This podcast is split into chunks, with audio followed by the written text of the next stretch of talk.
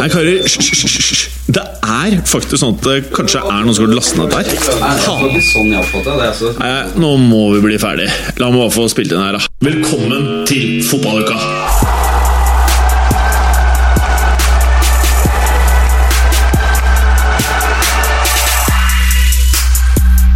Lenge siden jeg har sett Walcott smile. Sjekk ut bildene fra overgangen til Everton. Ja vel. Håpet å se Ronaldinho i Europa igjen. Too late. Er Aubameyang skada, sjuk, eller er han på vei til en annen klubb? Gabigol, nye europeiske heaten. Ah, ikke helt ennå. 18 måneder i Santos står for tur. Alt dette og veldig mye mer i dagens episode av Fotballuka. Fotballuka. Fotballuka. Velkommen! Det var eh, entusiastisk. eh, Velkommen, eh, Asta Takk, Kask. Kaska? Asta Kask. Eh, det vet jeg er et uh, svensk band ifra Sverige. Ja, fordi jeg har vært her i noen timer i dag, og det har Ja. du òg. Så du Ja. spurte allerede på ettermiddagen. Og du fikk et spørsmål om eh, først hvor bandet var fra. Ja. Og så sa du eh, Nei, hva er T-skjorten? Og du så, så at det er navnet på et svensk band. Ja. Og så fikk du spørsmål om hvor de var fra.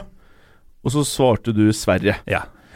Eh, Og det er et svar jeg føler jeg kan stå inne for. Ja, og føler du at uh, Føler du at personen ikke hørte etter første gangen du svarte? Eller tror du personen tenkte at uh, det var et svensk band, men at de kunne være fra et annet land selv om det var svenskt? Nei, jeg tenker at uh, det, er, det er to alternativer her. Mhm. Enten så var de veldig nysgjerrige og lurte på kanskje hvor i Sverige. Ja. Det ser jeg på som svært lite sannsynlig. Ja. Jeg tror vedkommende bare ikke gadd å høre etter første gangen.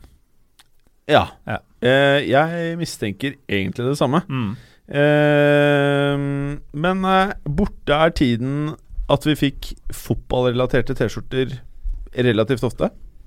Eh, nei, jeg var jo innom her i går, og da hadde jeg fotball-T-skjorte på meg. Ja. Hette da en jobb-T-skjorte? Ja. ja. Den er innafor. Mm. Vi spiller musikk som det går an å høre på. Uh, nei, det gjør det ikke. Nei, det gjør men, ikke det, men det er ingenting støtende ved denne logoen eller orda, så Nei, lenge man ikke jeg, jeg vet jo ikke hva det betyr. Det kan jo hende at det er fryktelig. Ja. Men uh, Høyst sannsynlig. Så er det jo det. ikke. Uh, hvordan har uken din vært, Morten Gallosen? vet du hva, jeg er så vanvittig trøtt om morgenen for tida. Ja. Uansett når jeg legger meg, hvor mye søvn jeg får, så er det et eller annet når den vekkerklokka ringer, og det er helt svart ute, og det er kaldt på rommet nærmest, og dyna Eller senga som var litt sånn Du finner ikke helt stillinga når du skal sovne. Uh, når du våkner igjen på den tida, så er det som å ligge på en, eh, på en sky. Det er bare sånn uansett Så lenge du er i den senga, så er det umulig å komme seg vekk. Å, ja. Så eh, jeg, er, eh, jeg blir beskyldt for å virke trøtt om morgenen eh, om dagen, og det stemmer. ja. Blir du grint da? òg? Nei da. Uh, men jeg er jo ingen solstråle før jeg har fått med minst tre kaffer og gjerne litt lunsj. Og da blir det en solstråle. Da blir jeg ok. Da blir det ok. Det er godt å vite. Så blir jeg sliten igjen et par timer seinere, når vi skal ha møter og sånn. Uh, Alle blir slitne av møter. jeg hørte noen si ah, Det er Jason Statham, jo. Ja, han sa det, han rett før vi gikk inn i i produksjonen her. Ja. Er tilbake igjen. ja. Um, du ser jo egentlig ut Du ser ut som en blanding nå av selvfølgelig Stallone og Statham. For nå har du sånn uh, eh, Rocky-inspirert uh, hettegenser. Den er splitter ny. Den fikk jeg i posten nå i går. Jeg hadde tenkt å spørre om det. Helt tenkte jeg, den var Tenkte jeg måtte måtte ha en sånn uh, pod... Uh, Relax-genser. Mm. Jeg har vært litt for pent kledd i studio her i litt for mange år. Ja, Så må jeg prøve å tone det ned litt. Komme meg litt mer ned på Morten Gallosen-nivå. ja. Det er du, ikke lett. Er det ned? Nei, kanskje det er opp. Du, Jeg kom, vet ikke. Nei, du er kommer ikke fra to ganske røffe dager, du. Veldig. Jeg har vært Eh. på konferanse, og det vet jo alle som eh, jobber i det landet her, at når man er på konferanse Med jobben. med jobben, da drikker man. Da drikker han. Uh, Rai Rairut på fire og før, hun, uh, Hun drikker, hun òg. hun drikker, hun. Ja, hun får ikke med seg noen ting av det faglige. Nei. Men det er bare eneste hjernen tenker på, er når åpner barn.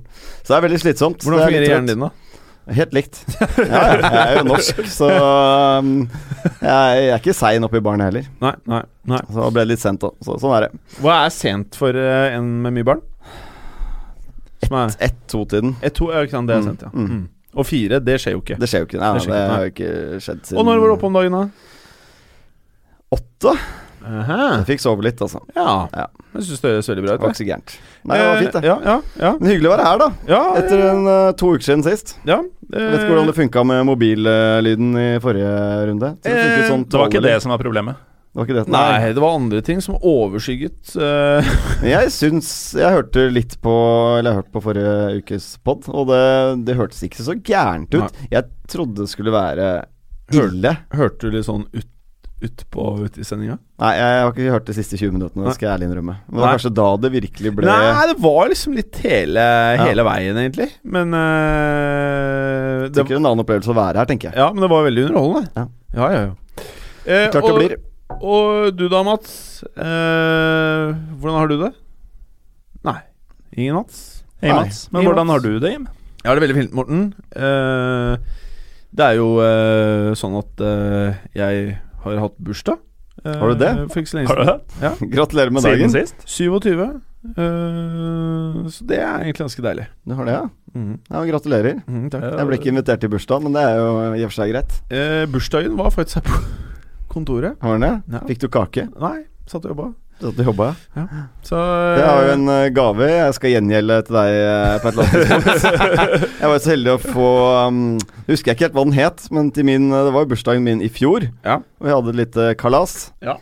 Da fikk jeg en bok om blomsterpressing, var det Mhm. faktisk. Um, saksen har jeg brukt veldig mye, faktisk. Det Jeg jeg hørte at du kasta den. Uh, ja, det gjorde jeg. Jeg beholdt saksen, og eh, boken måtte jeg rett og slett bare kaste. Så hvordan Den skulle du da gjengjelde? Nei, jeg må jo kjøpe noe tilsvarende, da. Oh, ja, okay. like Eventuelt dritt. Finne noe like dritt. Ja, jeg betalte penger for den. Mm. Du kan kanskje få den kondomdressen som jeg fikk av en annen kar. Hvor du fikk den da? Ole, selvfølgelig. E- Eller kanskje noen av de greiene du brukte som lyd da vi hadde konkurransedelen i de aller Ja, første episodene. stemmer det. Det var mye tynne greier. Altså. Der var det 17. mai-fløyta og Ja. Det er mye bra Jeg har mye, mye drit hjemme, altså. Så ikke vær redd for det. Men det er ett Ja. år til neste gang, da. Jeg er Gi meg klar et par for unger. Uh, skal gi et par unger, ja. Jeg er klar for mye dritt. Uh, Ikke et par unger, tror jeg. Nei, kanskje ikke helt ennå. Uh, jeg kan passe på noen av de, dine Ja, ja. som jeg har testa meg.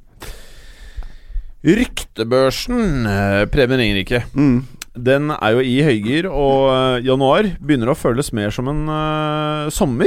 Gjør det. Det har vært mye- Eh, transfervindu. Det er virkelig store overganger det er snakk om her. De, Ja. altså, det der vintervinduet pleier å være helt uh, ja, Farse. Liten farse. farse. Ja. Du, man prøver å bygge opp noen forventninger, og så ender det med sånn Berahino-lån et eller annet sted, eller noe i den duren. Mhm. Men nå er det jo en av verdens beste spillere, må vi vel si. Alexis Sanchez, Mhm. som er eh, på flyttefot. Nå sitter vi og spiller inn på en torsdag, har det blitt det. Torsdag. Så hvem vet, innen eh, folk hører på den her, så kan det hende at overgangen til uh, Manchester United, som det Mm. ser ut som, er bekreftet. Uh, det ligger, er vel nært forestående, i hvert fall. Ja, ingenting er bekrefta ennå, men det, de siste to dagenes eh, nyheter har jo langt på vei indikert at dette er i praksis en done deal. Det er bare ikke eh, signert og, og testa ennå. Ja. ja, jeg, jeg skjønner ikke helt hva Alexis Sanchez tenker her. Eller jeg skjønner jo at han tenker på penger. Uh, jeg syns det er rart å ikke ville ønske å være med på det Pep-prosjektet. Ingenting imot Manchester United, altså. Men det Pep er i ferd med å bygge i City nå, um, det kan bli en maktfaktor i uh, ja, Kunne vinne internasjonale titler. Men hvordan var forholdet dem imellom da, da han var i Barcelona? Bra, så vidt jeg vet. Eh, Jeg tror ikke det har vært noe krøll mellom de, altså. Men det er klart, når eh, Manchester United er villig til å slenge 500 000 eh, pund i uka På bordet. Jeg leste at det var 300. 500 leste jeg i dag. 450 har jeg lest. Ja. Jeg Mye penger, i hvert fall. Ja, det er i hvert fall vanvittig mye penger. Ja. Uh, han får vel også en fireårskontrakt. Jeg vet ikke, vet ikke om han hadde fått det i City heller. Eh, spørsmålet er om Alexis Sanchez kommer til å være god i fire år til. Mm. Uh, det er jeg skeptisk til. Jeg tror fort United kan sitte her og ha en veldig god Alexis eh, i to år, Mm. kanskje tre. Så blir de til slutt sittende, kanskje, med en vanvittig dyr fyr på benken eh, et Men år. er ikke dere sånn United eh, etter Ferguson her da? Det er litt eh, nå, nå som de omsider ble kvitt Rooney, Mm. så trenger du en ny til å sitte og heve sånn astronomisk sum uten å bidra med noe, bare være en verkebyll for hele Ja. klubben, som du må bruke mer enn eh, det sportslige eh, tilsier. Men, men det er jo et par år fram i tid. da Alexis Ja da. kommer til å herje uh, i hvert fall halvannet år. Kjempesignering. Og United har pengene. Skal Mm. ikke glemme det at de har masse penger. Ja. Uh, steinrik klubb. Og det er fortsatt sånn, jeg tror fortsatt det er Brian Robson-overgangen som er den dyreste sånn sett i forhold til omsetningen, da. Mm. Som uh, United noen gang har gjort. Og de kjøpte han for to millioner pund. Jeg tror det var mindre enn det. Ja, Sånn jeg tror- 1,7 eller noe. Ja, og det var vel over 50 av eh, Nei, det var voldsomt høyt, i hvert fall. Jeg husker ikke akkurat tallene her, men det er vel fortsatt den dyreste i forhold til omsetningen, så Men Vi har tidligere snakka en del om uh, managere som driver rovdrift på egne spillere. Men eh, Alexis har jo drevet rovdrift på seg selv i flere år. Han har jo ikke hatt en uh, sommerferie på fire-fem år. Det er jo alltid et mesterskap. Og denne sommeren her er jo første gang han faktisk får hvile litt, i og med at Chile ikke kvalifiserte seg til VM. På, altså, I fjor var det vel denne Confeder Confederations Cup. Eh, det har vært noen Copa Americaer innimellom. Eh, VM i 2014 var han jo også med i. Det er tror det er sommeren 2013, eh, kanskje enda lenger tilbake, hvor han faktisk ikke hadde et mesterskap. Mm. Så uh, dette er jo en fyr som uh, Man vet jo ikke helt hvor mye han har igjen da, når han, når han er bikker igjen. 30. Ja, ja. Uh, det kan gå fort nedover, altså. I Det kan fall. det. Han er jo en eksplosiv spiller. Mm. Som, han vil jo sannsynligvis bli litt tregere med, med årene. Men han er jo en vanvittig god fotballspiller. Mm. Så en kjempegod deal for uh, United. Og så får de også shippa ut uh, Mkhitaryan, som er veldig god, uh, men får jo ikke spille nok. Og i hvert fall hvis Alexis kommer her nå, så er det ikke noe poeng å ha han. Så Arsenal har veldig bruk for han. Mm. Jeg uh, Var det 'blessing in disguise' vi skulle bruke nå, eller? Hvis Arsenal også får tak i Aubameyang nå, så mener jeg de kommer styrket ut av dette her. Ja, for at eh, i hvert fall eh, Jeg prata med Berger eh, etter forrige Eller innspilling for to sendinger siden, var det vel. hvor jeg faktisk uttrykte bitte litt bekymring for hvor Arsenal var på vei. og deres evne til det hele tatt klare å få inn noen store navn. Så jeg vil jo si at det de gjør her, er ganske smart. At de har allerede de antatt to eneste verdensstjernene de de har eh, på laget fremdeles. Og i samme vindu så begynner de å hente inn andre verdensstjerner. Så jeg vil si at eh, Alexis ut, Mkhitarian hvis Jeg er alltid skeptisk når jeg leser om sånne byttehandlere som involverer to spillere og penger. Eh, og Aubameyang, så ender du faktisk med da to verdensklassespillere inn, én ut. Eh, Abere, selvfølgelig, er at eh, både han som går ut og inn, det er gamlinger i fotballverden. Dette, dette er eh, karer du ikke nødvendigvis kan bygge laget rundt de neste fem årene. Men det er viktig for å opprettholde ikke bare man kan kalle det fasade, men at de faktisk da klarer å Jeg vil, si det samme som deg. Jeg mener at det er større sannsynlighet for at de kan vinne noe til neste år med de gutta på laget enn Sanchez, på en måte, da. Tror jeg også. Så skal vi ikke glemme at Mkhitaryan og Aubameyang, da, hvis vi tar det litt for gitt at Aubameyang også kommer til Arsenal nå, han kan jo fort finne på å ta penga i Kina. Det Ja. virker jo som en sånn type. Men la oss si at han går Plus til at de gutta kjenner hverandre De fra å spille sammen. I Dortmund så har de Mhm. spilt sammen, og det var vel eh, det året hvor Aubameyang skårte 39 mål, tror jeg. Mm. Eh, Og Mkhitarian var vel assist-kongen. Ja, så, Så- det kan være en kombo som kan funke med én gang. Mm. Uh, og hvis du da kan kjøre med to spisser, da, Lacassette, Aubameyang og Özil og Mkhitaryan Mm. bak der for å gi det litt baller, så kan, tror jeg det kan være veldig veldig bra. Men de mangler jo fortsatt den sentrale midtbanespilleren, da. Mm. Um, et annet element med den overgangen til Alexis Det er at um, Arsenal-troppen har virket veldig splitta. Uh, og jeg tror ikke det bare er Hva skal jeg si uh, løse rykter uten noe Uten noe grunn, holdt jeg på å si. Det, det, det virker jo som en splitta spillertropp. Og hvis Alexis er årsaken til det, så kan det hende at vi nå får se en Arsenal, et Arsenal-lag som er mer enn eh, gjeng. Mm. En enhet, ja, som trekker i samme retning. Stemningen blir bedre. Eh, kanskje får vi se det på banen også.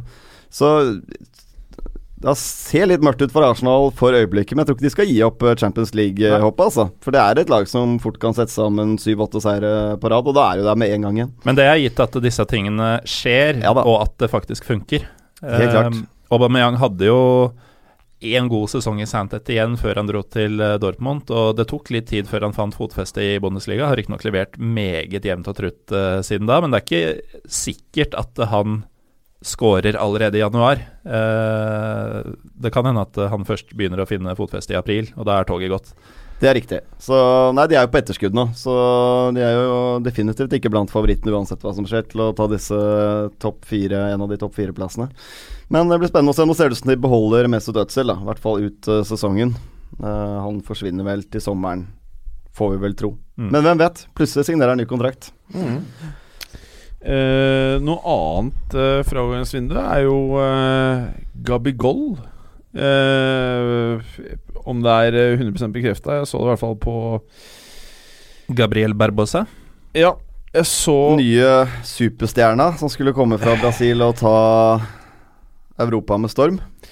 Og med han så føles det Det er litt grann eh, trist. For Ja. jeg føler han hadde I hvert fall Man kan jo bli lurt av YouTube, men eh, de highlightsene man så av eh, Gabigol fra fra Brasil lovet jo veldig godt, da. Eh, han virket jo som en fyr som liksom var perfekt å komme til Inter. Og det føltes jo som en bra greie, da. Men jeg tror ikke Inter var helt perfekt klubb å komme til for noen spillere på det tidspunktet Mm. han ankom klubben, og det kan ha ødelagt mye for uh, Gabigol. Um, får en dårlig start i et lag som overhodet ikke henger sammen. Det var vel under De Boer, var det ikke det han kom? Eller tar jeg veldig feil da? Uh, nei, det stemmer vel, det, Ja. tror jeg. Men det har vært kaos der lenge før De Boer også, det, er ikke, det var ikke bare Mm. da. Så flytte til et en, nytt jeg leser en greie her, jeg vet ikke hvor pålitelig det er. Uh, Pierre Emerick Aubameyang agrees three and a half year Arsenal deal with Oliver Giroud heading the opposite direction. Der er sånn Det høres riktig ut, ass. uh, Ja, altså, men via Ekspress. mm? Ekspress. Bare Ekspress? Bare. Ja, Forvente det kommer noe selv fra klubbene uh, på det der. Men uh, Nei, men Gabigol tror jeg rett og slett kan bare ha fått en uheldig start i Europa. Og får du litt dårlig Altså sliter med selvtilliten i starten, så, så kan det ta tid før man kommer ordentlig i gang. Han er jo ikke Mm. gamlefyren. Men det er jo dårlig omen, da. Eh, brasiliansk eh, angrepsvidunderbarn eh, kommer til Inter, mister det helt. Adriano. Eh, veien tilbake var lang for eh, han forrige som havna i den båten. Adriano, altså. Det var så trist at han Mm. aldri ble det han Men han er blitt. jo i det hele tatt en personlig tragedie. Eh, Ja at han ikke ble den fotballspilleren vi håpa på, det er på en måte en dråpe i havet. For et uh, råmateriale han Ja. hadde. Virkelig. Naturtalent. Men uh, når det gjelder Aubameyang-saken, så har jeg jo sett at Giroud har vært uh, linka motsatt vei. Uh, men jeg har også sett at Mishi Batshuay har vært nevnt som en potensiell erstatter for, for Aubameyang i Dortmund, og det syns jeg høres spennende ut. Mm. Eh, for han som spillertype, eh, sånn han ble brukt i Marseille, er ikke ulikt eh, det eh, Aubameyang har gjort i Dortmund. Så det kunne blitt ganske sømløst, og du ville fått en sulten spiller som er klar for å revansjere seg og som fortsatt er relativt tidlig i karrieren, i motsetning til hva Giroud er. Så den uh, syns jeg høres spennende ut. Eh, dominoeffekten så, i så fall, da, er jo at det er en eh, spissreserveplass i Chelsea, og de har vært linka til ganske heftig til Andy Carroll i det siste. Mm. Jeg elsker Andy Carroll, jeg. Tror jeg er en av få som gjør det. Jeg tror jeg også liker uh, Han er, ja, men det er noe med å ha en litt annen spillertype å sette inn på da når Mm. du sliter med å skape noe. Han lager jo kaos. Mm. Uh, så har han kanskje ikke verdens beste fotballforståelse og uh, Guds gave sånn sett, men han er, har jo en fysikk som Mm. er helt sjuk. Men nå har han jo blitt ankelskadet, og de er usikre på hvor lenge han er ute. Jeg skulle likt å vite hvor mange kamper han har spilt i snitt per sesong eh, over de siste fem årene. For at Mm. det, det føles ut som det er eh, ganske begrensa, og de få gangene man ser han spille, så er det jo litt morsomt. Det er jo Ja. gøy å se den svære mannen eh, rove foran eh, kassa. Han har hatt noen brassespark også som har vært helt ville. Mm. Men eh, jeg har lest noen sånne greier også at det medisinske apparatet i Westham klarer ikke å si at han er noe skadet, men han ja. sier selv han er skadet. Å ja, Så nå, jeg- det- nå men- eller ja, nå, tidligere? Nå. Nå, ja. Eh, så det mentale på Andy Carroll Mm. Altså Jeg tror også han kunne vært en vanvittig mye bedre fotballspiller hvis han hadde tatt vare på kropp og kanskje hatt rette innstillingen. Mm. Men det er jo spennende. Det hadde vært ganske morsomt hvis Andy Carroll uh, endte opp i eh, Chelsea. Um, Da begynner det å bli mange sånne uh, Chelsea-overganger det siste halvåret hvor man inn, til å begynne med tenker sånn Hva er det de driver med nå? mm. Altså Drinkwater i sommer, uh, Barkley nå og i tillegg Carroll. Det er uh, Det er midtable-spillere. Dette er jo laget som løp av gårde med mesterskapet i fjor. Mm. Og så Mens vi er inne på Chelsea, da, så, så kan det jo se ut som de har gitt opp eh, Alex eh, Sandro nå. Mhm. Snakkes om Emerson fra Roma, som har i og for seg vært skadet, hadde kneskade, vært ute en god stund, men er på vei tilbake igjen nå. Så det kan jo Altså, det blir jo en backup til Alonso. Jeg føler ikke at han er på nivå til Marcos Alonso akkurat nå, men de trenger jo en backup der. Altså, Alonso spiller jo alt, eller Mm. må jo spille alt. Og Det virker jo ikke som de klarer å riste løs Alexandro nå, da. Mm. Men så skal visstnok Juba også være da, inne for uh, Emerson, så det kan jo bety at de uh, ruster opp og planlegger salg av Alexandro. Mm. Så vi får se. Det er Bra. mye spennende her. Altså, Alex Vidal er en person som er på vei ut av Barca. Han har blitt tredjevalg på høyrebekken nå etter uh, Semedo. Semedo og Sergi Roberto. Mm. Uh, så han spiller jo nesten ikke i det hele tatt. Der er jo Liverpool linkes, faktisk. Hva syns du om Alex Vidal? Er han, eh, er han bra nok for et uh, topplag? Nei, jeg syns ikke det. Jeg syns ikke han er god nok. Han er uh, Han har ganske bra hurtighet. Eh, that's it, syns jeg. Altså, han er en ok fotballspiller. Jeg tror han kan gjøre en ok jobb som en backup i de fleste klubber. Ikke en som vil gjøre Liverpool litt til noe spesielt bedre fotballag. Det vil han ikke. Så Nei, United har vært linket til han også, det er mange som er det. Men det er klart det, det er jo agenter som setter ut litt eh, rykter her når de skal prøve å shippe han ut uh, fra Barca. Mm. Så det blir en låneavtale der, tenker jeg. Bra. Eh, vi, vi må jo prate om eh, Walcott. Ja, Walcott, ja. eh, som eh, i hvert fall eh, for meg virker som en eh, ganske god overgang for eh, Everton. Eh, Og for at jeg- Walcott. Eh, og for Walcott. eh, og på mange måter litt sånn pussig at Arsenal selger Walcott eh, hvis de ikke hadde hatt noe annet på veien.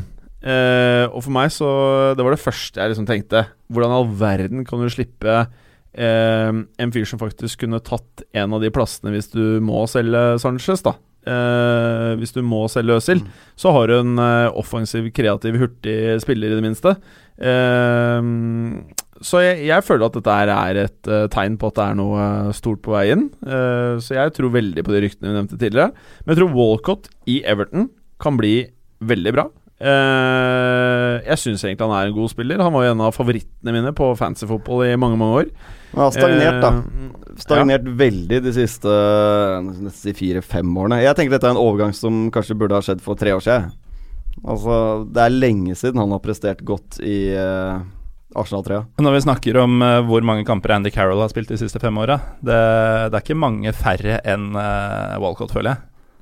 Nei, eh, en av de spillerne som kanskje er litt for lenge i samme miljø, og, og rett og slett har stoppet opp hele utviklingen. da Vi har jo Mm. nevnt der før at han kanskje burde vurdere klubbskifte. Både han og Ramsey og et par andre. Så Mm. det kunne hatt godt av å komme seg videre da, for å, å ta et nytt steg. Men det ser jo ut til å være en eh, Altså mer eller mindre tvungen, da, men en skikkelig uh, vårrengjøring i Arsenal. Hvor de, eh, det som har blitt litt daukjøtt, altså selv om det er dumt å kalle det Sanchez det, men han er på vei ut, han er ikke motivert. Uh, han forsurer antagelig miljøet. Walcott har ikke bidratt med noe som helst, føles det som, på et par år. Eh, så har du liksom ja, Han eh, Coquelin gikk til uh, Valencia nå. En del spillere som de ikke trenger. Igjen, Sanchez-salget er tvunget uh, fram, men uh, de andre, det virker som Jeg håper i hvert fall for Arsenals del at de har en plan med dette. Det ser jo sånn ut i og med at de tilsynelatende får inn disse to gamle Dortmund-spillerne, som ikke nødvendigvis svekker laget umiddelbart. Og jeg tenker da litt stille for meg selv inntil jeg nå sier det, at dette lukter omsider Wenger-exit. At det nå eh, røskes det opp i spillergruppa. Kan indikere at uh, nå er tiden inne for å gjøre noe stort her. Det er nesten litt synd at han ikke ga seg etter at de vant Mm. FA-cupen i, i fjor. Mm. Eller forrige sesong. Det kunne vært et bedre avskjed enn om man skal ende opp med da en eh, femteplass, da, eller sjetteplass, eller hva det enn blir i, i, i, i Premier League. Mm. Det er litt sånn trist slutt for han. Apropos Arsenal, vi må over til uh, Premier League. Eller har du noen siste juicy greier? Jeg har ikke så mye annet juicy. Altså, det er jo mye Det er en haug av rykter. Altså Lucas Mora, f.eks. Men jeg tror ikke han kommer hvis Alexis nå blir signert. Så, så kan Nei. jeg ikke skjønne at han uh, kommer. Men jeg lurer på hvilken klubb han stikker til, for han må jo ha spilletid. Mm. Um, så det blir jo spennende å følge. Akkurat den biten. Ellers er det Det er jo mye rykter til eh, Liverpool da, i kjølvannet av eh, Coutinho-salget, og et av de morsomste syns jeg var uh, Suso, som Mm. jeg leste om i dag. Uh, han var jo i Liverpool i noen år, uh, slo aldri til der, og er nå den eneste som skaper noe offensivt for Milan. Da han kom til Liverpool i 2010, så kosta han 54 000 pund. Det er surt for Liverpool hvis de skal bruke eh, Si en 300-400 millioner for å riste den løs nå. Kanskje mer. Jeg tror det er mer. Jeg tror Milan har sagt de skal opp i 700 Altså 700 millioner for å slippe han. Et, de kan jo ikke slippe han uansett, tenker jeg nå, da. Han er jo som du sier, han er jo den som skaper noe Mm. for Milan om dagen. Ganske trist Milan. Det er det. Nytrist Milan, eh, og ifølge Berger så eh, går det jo ikke spesielt godt eh, finansielt, da. Eh, heller, så det blir jo spennende å se hva som skjer der. Eh, Juventus, eh, har du fått med noen overgangsrykter der? Det er noen små, holdt jeg på å si. Darmian. Mm Eh, det, har jo, det ryktet har egentlig vært der en god stund allerede. Mm. Eh, skal ikke se bort fra at han forsvinner tilbake til Italia, i hvert fall. Eh, og da er Juventus et eh, klart alternativ, selvfølgelig. Ja, og Spesielt hvis det hadde vært mer i Sandro ut-ryktene. så Ja. hadde det vært en i hvert fall sånn kjapp og enkel og relativt billig løsning inntil videre der. Så er det alltid rykter rundt Dybala, men der skjer det Vi blir veldig overrasket hvis det skjer noe nå, i hvert fall. Mm. Uh, får vi se i sommeren. Han er jo fortsatt ujevn, Dybala. Jeg tror en del klubber ser på han tenker her er en god spiller, men han presterer jo ikke hver eneste kamp. Og skal du da øh, Hvor mye tror du han går for nå? Halvannen milliard eller noe? Ja, det må I vi dette regne sjuke, sjuke markedet vi er i. Skal du betale så mye penger for en spiller, da, så må du være ganske sikker på at det funker i hver eneste kamp. Så vi får se. Bra. Eh, I Premier League nå, da. Eh, Arsenal, Crystal Palace. Arsenal har jo ehm, I hvert fall på tabellen nå så begynner det å føles som at de eh, kommer til å slite godt med, med topp fire. Var det noen som veit åssen det gikk med dem på søndag, eller? Er det noen som fikk med seg siste matchen deres? Tror de møtte Behemoth eller noe sånt. Ja. Ja. Nei, det, Det var en kul kamp, det. Som de aldri hadde tapt mot Ja. inntil nå. Det sier Ja. jo litt om Jeg har faktisk nesten glemt at jeg hadde sett den, men jeg gjorde det. jo. Ja. Du meldte jo det. Jeg gjorde det. Der. Mm. Men, Og det var eh, før jeg visste at uh, Sanchez ikke skulle spille. Ja. Men det var en veldig trist uh, utgave av uh, Arsenal. Jeg sitter med følelsen at de reiser seg mot Crystal Palace. Det er et lag de har godt tak på sånn historisk sett, i hvert fall. De har kun ett tap på siste 16 mot Palace. Og det har jo vært en ganske sjuke matcher mellom de, i hvert fall på Sellers Park. Mm. Nå går jo denne i Nord-London, så Nei, Hvis de nå får avklart den uh, Sanchez-greia før matchen i helgen, så kan det plutselig utløse positiv energi, det, altså. For Arsenals del så er nok den saken avklart. Ja. Uh, Hvor de selger den, det er litt sånn hipp som happ, men i, i dag så har han trent med reservene. Ja, Han er, han er ferdig der. Han og er det, ferdig. det har klubben og helt sikkert spillergruppa innfin, innfunnet seg med. Ja. Altså er, men Crystal Palace begynner jo sakte, men sikkert å bli litt grann mer sexy da, for hver kamp som eh, går. Det så jo Det så veldig mørkt ut. Uh, etter de, men vi sa jo da også vi at vi, vi tror ikke de rykker ned, selv om de har tapt de syv første. Og jeg syns Hodgson har gjort en god jobb der. Syns de spiller bra fotball. Syns de har fått ganske dårlig betalt i en del kamper også. Så um, Skal ikke se bort fra at de lager litt krøll her, altså, mot uh, Arsenal. Vi har jo kritisert veldig disse bakstreverske manageransettelsene. I kjølvannet av sparkinger så kommer liksom Hodgson og Moyes og Allardyce inn. Og Lambert. Ja, uh, han uh, kan jo ikke lykkes, men uh, et par av de andre har jo faktisk gjort det over all forventning. Jeg tror det går over en kort periode, men det er jo ikke noen langsiktige løsninger som disse klubbene finner på. Eh, jeg- vi har vel snakket om det før også. Jeg er litt redd for at for mange Premier League-klubber er happy med å være Premier League-klubb. Altså, det er det de vil være. De, de har, virker omtrent ikke som de har ambisjoner om å utvikle seg videre og ta opp kampen med de topp seks-lagene. Mm. At de bare får seile sin egen sjø. Så er det Kommer vi på tiendeplass, er det helt suverent. Uh, litt for mye av den tankegangen der, syns jeg det virker som, da. Men jeg, jeg, jeg tror Arsenal uh, slår tilbake igjen nå, altså. Tar uh, Palace hjemme. Ja. Det, Hva tror du? Ja, jeg er ikke så sikker, jeg. Jeg tror Palace kan få resultat her. Eh, Brighton-Chelsea, Preben. Ja. Uh, er dette her et uh, Er dette her et sterkt Chelsea-lag, eller er det et mer solid bakover, godt organisert, men kanskje ikke jeg angrer jo som bare det at jeg ikke sa at Morata skulle stoppe på ti. Ja. Ikke under ti. At han bare stagnerte på ti, da. For at jeg syns det Fremfor alt uh, så syns jeg mange gir Hazard mer kred enn han fortjener. For at det, han har jo skåret ekstremt lite til han å være. Uh, men så får jeg hele tiden høre at det eh, Chelsea-fans sier jo at det bare er snakk om tid, og at han spiller bra. Jeg syns kanskje ikke han spiller så bra heller. Jeg Ikke synes- nå. Jeg syns han spiller eh, decent, men det minner meg mer om den offseason han hadde med Mourinho enn fjoråret. Jeg syns han så bra ut en periode før jul, men så i likhet med resten av Chelsea-laget så har det flata litt ut. Det er noe dødt og kjedelig over. Det er solid for all del bakover, men det er jeg synes det er for lite kreativitet offensivt. Jeg stusser veldig over at William ofte sitter på benk. Jeg syns han Hver gang jeg ser Chelsea-kamper, så er William eh, blant de to-tre beste spillerne. Og det sa vi for to år siden, òg, da, da de sleit. Ja. Da var det William var lyspunktet offensivt. Det det. Og Morata nå, det er eh, tre starter han har nå uten å score. Sist nå mot uh, Leicester, var det vel, så hadde han ikke et skudd på mål eh, i løpet av kampen. Og ser ikke at Chelsea har den spissen som konkurrenten har. Altså, du ser i alle de andre topplagene her, så er det superspisser. Jeg syns ikke Morata er i Hva skal jeg si, en topp europeisk standard da, som, du, som Chelsea bør ha.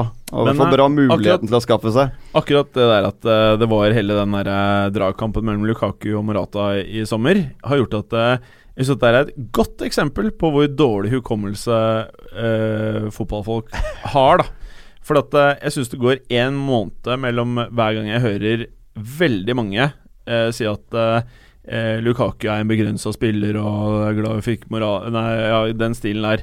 Og så er det omvendt, når du ser Morata nå, og det er tørke. Og Hvis du ser på, ser på statsene til Morata, så er jo Han hadde et hat trick, han hadde en periode hvor det var liksom eh, noe mål, og så er det jo egentlig eh, ikke vært så veldig mye mer enn det, føler jeg, da. Nei, Hele karrieren sin så har han så vidt over 50 skåringer.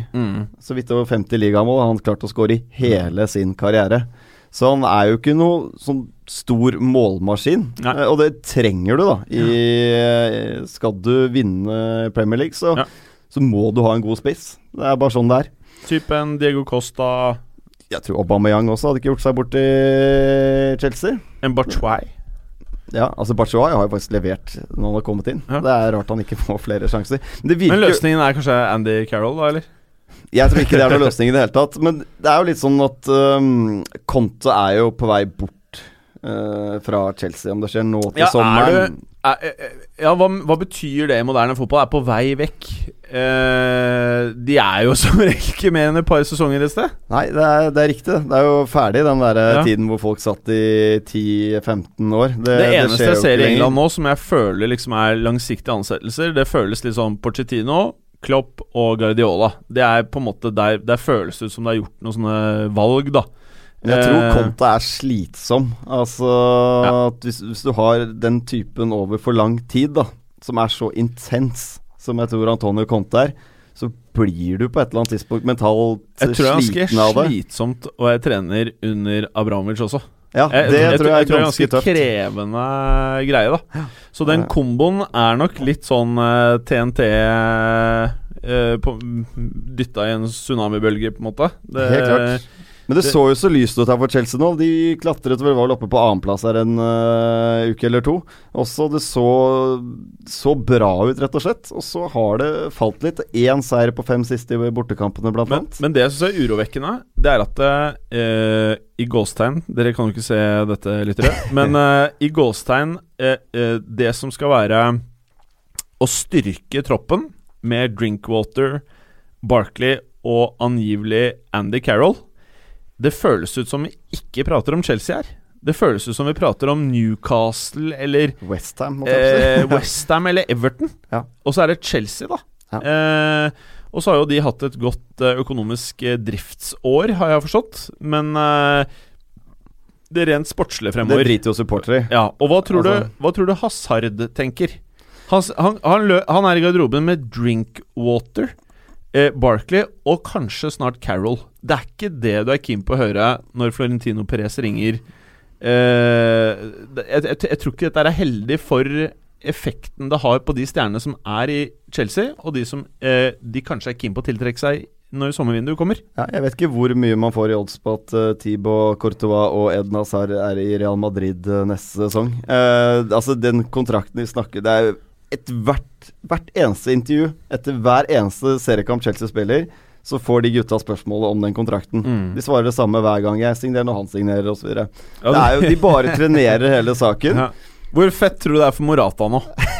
Han bare vil vekk, og så stikker gutta. Ja, For vi vet, vi vet jo at Real Madrid kommer til å gå litt bananas nå i sommer. Ja. Det kommer jo Men til å skje. Men tror du virkelig at de kommer til å gå for Hazard? Den er jeg usikker på. Jeg ganske sikker på at de prøver å få Tibo Courtois. Fordi Courtois har jo signalisert selv at han gjerne vil til Madrid. Hva hvis de kjøper han Åh, Åh, er det brannalarm? Det hadde vært nydelig. Kepa Razabalaga. Ja, Kepa. Jeg tror Kepa er, blir hentet inn som reservekeeper. Jeg tror ikke Real Madrid Der, da. Jeg tror det er brannalarmen. Skal, vi... brannalarm? Skal vi ta en liten pause? Vi tar en liten pause. Så kommer vi tilbake. Dette er den nye tubaen. Oi! For dere som håpet at vi brant opp, så må vi skuffe dere. Vi er jo tilbake da, Morten. Vi er det, Del to. Jim. Virker som det var noe stekeos Ja, fra andre etasje. fra andre etasjen. Uh, vi er tilbake. Kepa, Preben, prata du om. Prate om han, Jeg nevnte vel at han Jeg tror han ble hentet inn som Ja. andrekeeper til Real Madrid. Jeg syns ikke Kepa er god, god nok, da. Kan han bli god nok? Nei, jeg tror ikke det. For en klubb som Real Madrid så tror jeg ikke Kepa blir god nok til å være førstekeeper. Men det sa man vel om Caylor Navas i sin tid også, og det har Ja. funka. Ja, men han er heller ikke god nok for å være førstekeeper for Real Madrid, syns jeg. Altså, en klubb som Real Madrid skal du jo ha de beste, og da er det et fåtall uh, keepere. Og jeg tror det ender med at de henter Courtois som førstekeeper, og så tror jeg også de henter Kepa, og så blir både Er Sia og bra nok for eh, Real, når vi først er inne på det? Ja, det syns jeg absolutt. Um, Topp fem keepere i Europa. Kan være. Usikker, usikker lenger, jeg, altså. Nå har vi der Oblak, eh, De Stegen. Ter Stegen. Jeg vil fortsatt si at Neuer er der. Ikke Ja, enig? han, ja, det- Neuer er vanskelig å vurdere nå når jeg ikke Ja, men du er spiller enig. fotball på jo Hvis han er på sitt gamle nivå for som er sist gang jeg så han spilte fotball, var kanskje Ja. ett år siden eller noe. Ja. Og De Gea, så har du fem. Ja, fem Nei, så er det sa vi. Det jeg, sa Nei, jeg, ikke, jeg, jeg talte ikke på min hånd. Nei. Så Ter Stegen, Oblak, eh, Neuer, De Hea. De Gea eh, Jeg mener han er bedre enn Hugo Joris, f.eks. Tipa Courtois. mm. En bedre keeper enn eh, Handanovic, da. ja, Kanskje Handanovic. Mm. Kan være der. Mm. Nei, men uh, God keeper, i hvert fall. Jeg mener han er god nok for Real Madrid. Pluss minus topp fem. Mm, mm, Ja. Så mm, Men det er jo spennende å se hva som skjer med Chelsea etter hvert her, da. Hvis uh, de mister uh, Eden Hazard, er jo den store offensive kraften de har i dag. Og mister en så god keeper som Courtois, så er ikke det så lett å erstatte for dem. Nei. Men uh, de har vel penger å by på, de òg, tenker jeg. Men nå møter de Hvem var det de møtte, sa du? Brighton. Brighton, ja. Brighton. Ja, Brighton åpnet jo lovene. Um, men uh, har jo nå hatt en lang rekke her. De har vel én seier på siste tolv, og er jo nede i sumpa der, som vi Som stort sett alle spådde før sesongen. Så det blir en kamp for å overleve eh, resten. Og litt sånn bekymringsfullt for, for Brightons en del at de har gått målløse av banen i åtte av de siste tolv. Så de er inne i en ganske dårlig team oss- eh, altså. La oss leke litt sånn hobbypsykologer her. For et lag som Brighton, når du går inn i en hjemmekamp mot Chelsea, tror du man tenker eh, Dette her blir en match hvor vi bare prøver i det minste ikke få det til å bli stygt? Eller tror du de tenker nå skal vi prøve å ta poeng? Jeg tror det siste. Og jeg Siste. tror de har en god mulighet, selv om Brighton har vært inne i en dårlig periode, så har de en god mulighet på hjemmebane, i hvert fall for å få med seg ett poeng. Har de litt marginer med seg, maks innsats, kan fort eh, få med seg et poeng. Jeg tror det blir lite mål i den kampen her. Tar jeg sikkert feil, så det blir sikkert veldig mange mål, men jeg Med mindre Alonso kom på uh, scoresheeten, så blir det jo i hvert fall ikke noe Chelsea-mål. gjør det. Vi får se. Men det er sånn Chris Huton da, som trener eh, Brighton. Han har jo Han har ofte gjort det veldig bra i championship, og så har han slitt i Premier League med å få Mm. lagene sine til å funke. Kan fort ende med nedrykk uh, igjen. Mm. Gallosen, Burnley, eh, Manchester United. Ja, Blir det mer til match her, da? Det blir nok uh, tett. Uh, Og jevnt? det også. Mm. Eh, vi, vi snakker ofte om hvor sterke Burnley er hjemme, men de har jo faktisk gått på et par smeller her i det siste på Turf Moor. De tapte mot Liverpool uh, forholdsvis nylig, og 0-3 mot Spurs ikke så veldig lenge før det. Mm. Ikke den hjemmestatistikken som vi er vant til å se her. Og de har ikke slått United. Men de har jo ganske tøft program nå. Altså, de møter mye kanoner, da. Ja. Så, så mm. Ja, det er tøffe motstandere, selvfølgelig, men eh, det er ikke like fryktinngytende som eh, da vi snakka om det samme i november. Eh, fordi det nå har vist seg at eh, lag som United lett kan sammenligne seg med, da, Mm. eh, har klart å vinne der, og vinne komfortabelt i Tottenhams tilfelle. Og de har ikke slått United siden august 2009. Eh, og den gangens uh, det ble 1-0, eh, Robbie Blake skåra, og det er den eneste skåringa United har sluppet inn på Turf Moor Mm. på de ni siste besøkene. Uh, jeg tror også at United har lært en del av den eh, ganske ræva forestillinga de hadde hjemme mot Burnley for under en måned siden på Boxing Day. Mm. Eh, og så har du da eh, United har vunnet eh, tre matcher på rappen nå, hvis du tar med Derby-kampen eh, i FA-cupen. eh, altså tre av tre siden nyttår. Uh, kommet seg betraktelig, og hvis det nå viser seg at Sanchez kommer, så er jo det en ordentlig vitamininnsprøytning i gruppa, Mm. og spesielt Pogba, som jeg mener ser bedre og bedre ut. Han kommer, han kommer til å være Han kommer til å glise fra øre til øre når han går ut på matta på Er det lørdag? Uh, han kommer til å være i så strålende spillehumør han, med bare ved tanken om at han skal få Sanchez foran seg og kunne leke med han. Jeg tror United eh, leverer og vinner ehm, med to mål. Jeg har, og jeg, jeg har faktisk større trua på dem i denne kampen borte enn jeg hadde da de skulle ta imot Burnley hjemme i romjula. Da Mhm. tenkte jeg at dette, dette går ikke. Mm. Nå går det. Men eh, jeg holdt på å si eh, Man har sånne der, eh, uforventede helter i United. Sånn eh, Lingard. Eh, tidligere i sesongen så føltes det som Rashford kunne fort være en eh, spiller som kunne få mye spilletid og en viktig rolle. Um. Mkhitaryan hamra jo inn assists uh, på den samme tida. mm. Ja. Martial begynner jo å bli den spilleren man uh, kanskje trodde han skulle være Mm. eh, for United. Så jeg syns det ser bra ut det, i United om dagen. Altså. Bare for å recappe, for to uker siden så sa vi at det var null progresjon i United i fotballuka. Apropos dårlig hukommelse. Hva sier vi nå? Eh, Pogba er jo viktig her. Uh, få han tilbake på laget. De er et helt annet fotballag med Pogba på banen og av. Jeg fikk en tweet uh, fra en fotballuka-lytter uh, som uh, minnet meg på en ting. Og det var at eh, vi prata om Pogba sin skade kom til å koste United eh, poeng. Eh, hvorpå eh, vi da mente at eh, det ikke ville koste United noe særlig poeng. Eh, og hvor han da selvfølgelig Og jeg er jo helt enig. Har han eh, regna litt på det, han, eller? Eh, Ja, han er enig. uh, og ifølge han, da, så eh, eh, eh, Er det sånn å forstå? For, at det, for meg så begynner Pogba ha- Han er jo kaptein uh, på United-laget. Han er dødsung. Han er en spiller som er den beste eh, til å kjøpe spillere eller hente spillere til eh, United. Det er han og Mourinho føles det ut som som faktisk lander dealene eh, med nye fotballspillere. Eh, for meg så begynner Pogba å eh, minne om en litt sånn eh, moderne United-profil. Eh, som for meg så dreide denne overgangen seg mest om penger, fordi han hadde Mino Raiola på sin side, og det føltes veldig sånn Nå skal han innom her et år, to, sanke litt cash, og så skal vi flytte på han til Spania.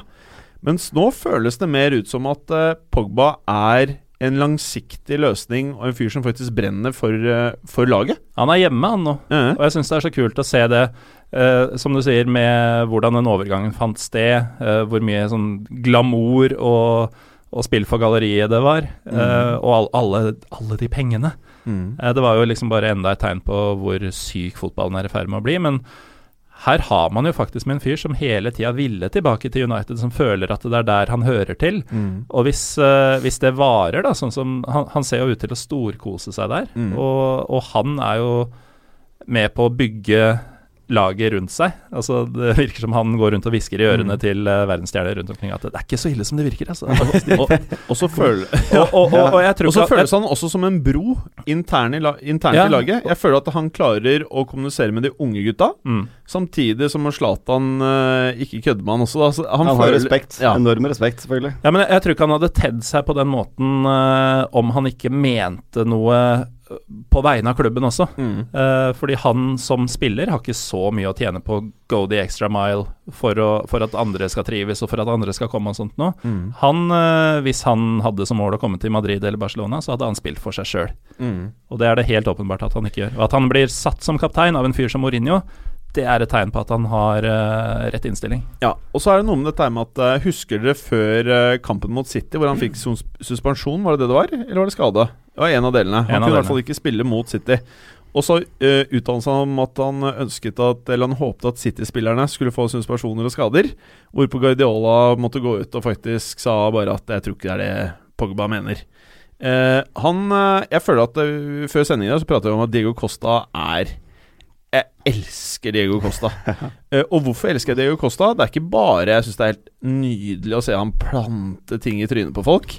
Men jeg syns også det er noe med det derre at eh, det er så deilig hver gang du får inntrykk av at det ikke dreier seg bare om penger og Instagram-følgere. At Mm. eh, Det er den eh, innstillingen da, på ja, banen. ja. Mm. og når du sier sånne ting, så sier du ikke for å få positiv blest. Du sier det med affeksjon. Du sier det fordi faen, ass, eh, keen på å være det beste laget i byen. Og dette her tror jeg er akkurat den type spillere som United har mangla. Og jeg tror eh, eh, Pogba er det som kommer til å vise at eh, vil være drivkraften bak United i mange år fremover. Jeg tror Hvis de holder på han og De Gea, så tror jeg alt er mulig eh, for progresjon fremover. Og jeg tror at hvis United tar det steget og blir et vinnerlag igjen, eh, så kommer man til å se litt sånn, uten sammenligning for øvrig, men man kommer til å se litt tilbake i tid og tenke at det var da Pogba kom. Eh, det var på en måte Mm, der det skjedde. Det var katalysatoren. Ja. Litt sånn som eh, man har gjort med Cantona. Og da faksmaskinen gikk til helvete i Madrid. Ja. To avgjørende øyeblikk. To avgjørende øyeblikk, altså. Helt klart. Eh, nei, men det er bra. Det er bra. Eh, ja, dette her er jo et eh, oppgjør som jeg tror kan bli litt eh, morsomt, for å se hvor Liverpool faktisk er. Mot Ja. Swansea. Eh, mot Swansea, helt riktig. Eh, for da, da har man jo en sånn situasjon hvor eh, de kommer jo fra dette her med å være det eneste laget som har slått City denne uh, sesongen, da. Som er helt vilt, selv om de rakna litt på slutten. Uh, så blir det litt spennende, da, for kritikken her er at de spiller bra mot topplagene, og at de kan spille ganske whatever mot mid-table og dårligere lag. Men nå har de vært jevne over en lang periode. Det har det vært uh, mye trepoengere. Men poenget mitt Ja. var, bare for å fullføre, var Klarer man å se et Liverpool som eh, ikke bare er motiverte i toppkampene, og et eh, Liverpool som også klarer å dundre inn målene når stakesene ikke er på det høyeste? For jeg føler at det er det det ofte dreier seg om for eh, når jeg ser Liverpool. da Jeg skjønner hva du mener. Jeg tror de har den mentaliteten nå. At de går ut der. Og jeg tror de går på banen nå og har en ganske god feeling på at denne matchen her, den vinner vi. Altså, ballen spretter Liverpools vei om dagen, det er ikke noe Mm. tvil om det. De har marginer i matcher her også. De hadde det mot City, de var gode mot City, men de har marginer uh, i, i avgjørende øyeblikk der. Og, og, men det er et eller annet som ikke er sånn Jeg føler kan jeg stole på Liverpool? Jeg er ikke helt Det er ikke bunnsolid. Nei, fordi det er det som skjer på slutten der. Det er jo ikke veldig mange andre, andre lag enn Liverpool som kan lede 4-1, og fansen har hjertet i halsen når det er igjen eh, ni minutter. Uh, og Og de nesten sånn, kaster det bort, jeg, ikke jeg, jeg, jeg fikk ikke sett eh, siste kvarteret, men jeg satt når jeg måtte inn i bilen, så satt jeg med uh, Livescores-appen. Så var det noe inni meg bare Og det gikk så bra i fantasyfotball. Gutta mine skårte, og ting var nydelig. Uh, bortsett fra at jeg hadde minus én på Otamendi. Men det, eh, det var noe i meg som bare Her Jeg blir ikke forundra om det plutselig blir Aguero hat trick, eller om Sané Jeg vet ikke hva. Og det, og det er så nære at det glipper. Mm. Og det er så typisk at Guardiola kan sitte igjen med et ikke negativt resultat etter en kamp hvor de bør tape, da. Men, men det er klart de mangler et par spillertyper i det laget. De mangler jo det der rivjernet sentralt på midten. Altså den murbrekkeren. Det trenger de. Og så har de jo for dårlige keepere. Det har vært diskutert ja. opp og ned i Mm. mente dette her. Men trenger ikke ta noe lenger om det. Men, men de er jo for dårlige, begge to. Det er så søtt å- å følge Liverpool-folka på Twitter i forkant av kamper når keepervalget er tatt. For det var sånn derre Ja, endelig er Mignolet benka og sånn, nå, nå, nå blir det greier. Og så går det et par matcher, og så bare Nei, og det var feil å benke Mignolet, han må inn igjen. Det er helt åpenbart at uh, Karius ikke er god nok. Og så går det bare sånn fram og tilbake. Uavhengig av hvem som spiller, så er alternativet bedre, ifølge dem. Ja, altså, eh, å følge fotballting på Twitter eh, det, det er lett å bli schizofren. Eller å føle at mange rundt seg er schizofrene. Fordi det er så kort vei mellom himmel og helvete på Twitter. Og eh, apropos eh, himmel og helvete, for eh, Liverpool nå kunne løsningen på det du sier nå, eh, Preben, være denne fantastiske Red Bull-spilleren eh, som kommer tidligere? Tror vi ikke det skjer? Vi har vært inne på det tidligere, altså. Uh, Keita tenker du på? Mm. Nå virker det ganske bestemt at han blir, uh, er det siste jeg hørte, uh, fram til sommeren. Han ville jo selvfølgelig, eh, hadde jeg nær sagt, forsterka midtbanen, Mm. men han Ikke det rivjernet de egentlig så sårt trenger. Nei, jeg ville lett satt han i en indreløperposisjon uh, på, på det laget der. Uh, så det ville fortsatt mangla den spillertypen, men de hadde jo hatt en fyr som, uh, uavhengig av hvilken rolle han har på midten, kommer til å være overalt. Mm. Og kommer til å plage livet av motstanderen, og tidvis også sine egne supportere med alle disse korta sine. Men du hadde fått en mentalitet inn på midtbanen, da, om ikke spillertypen, som, hadde, som kanskje hadde revet eh, litt opp. S ser vi noen spillere som eh, det er realistisk at Liverpool kan hente inn til eh, sommeren som kan gjøre den jobben? Ja, det er jo et godt Det er ikke mange av de, vet du. Som er eh, Det fins ikke mange av den typen der som er gode nok.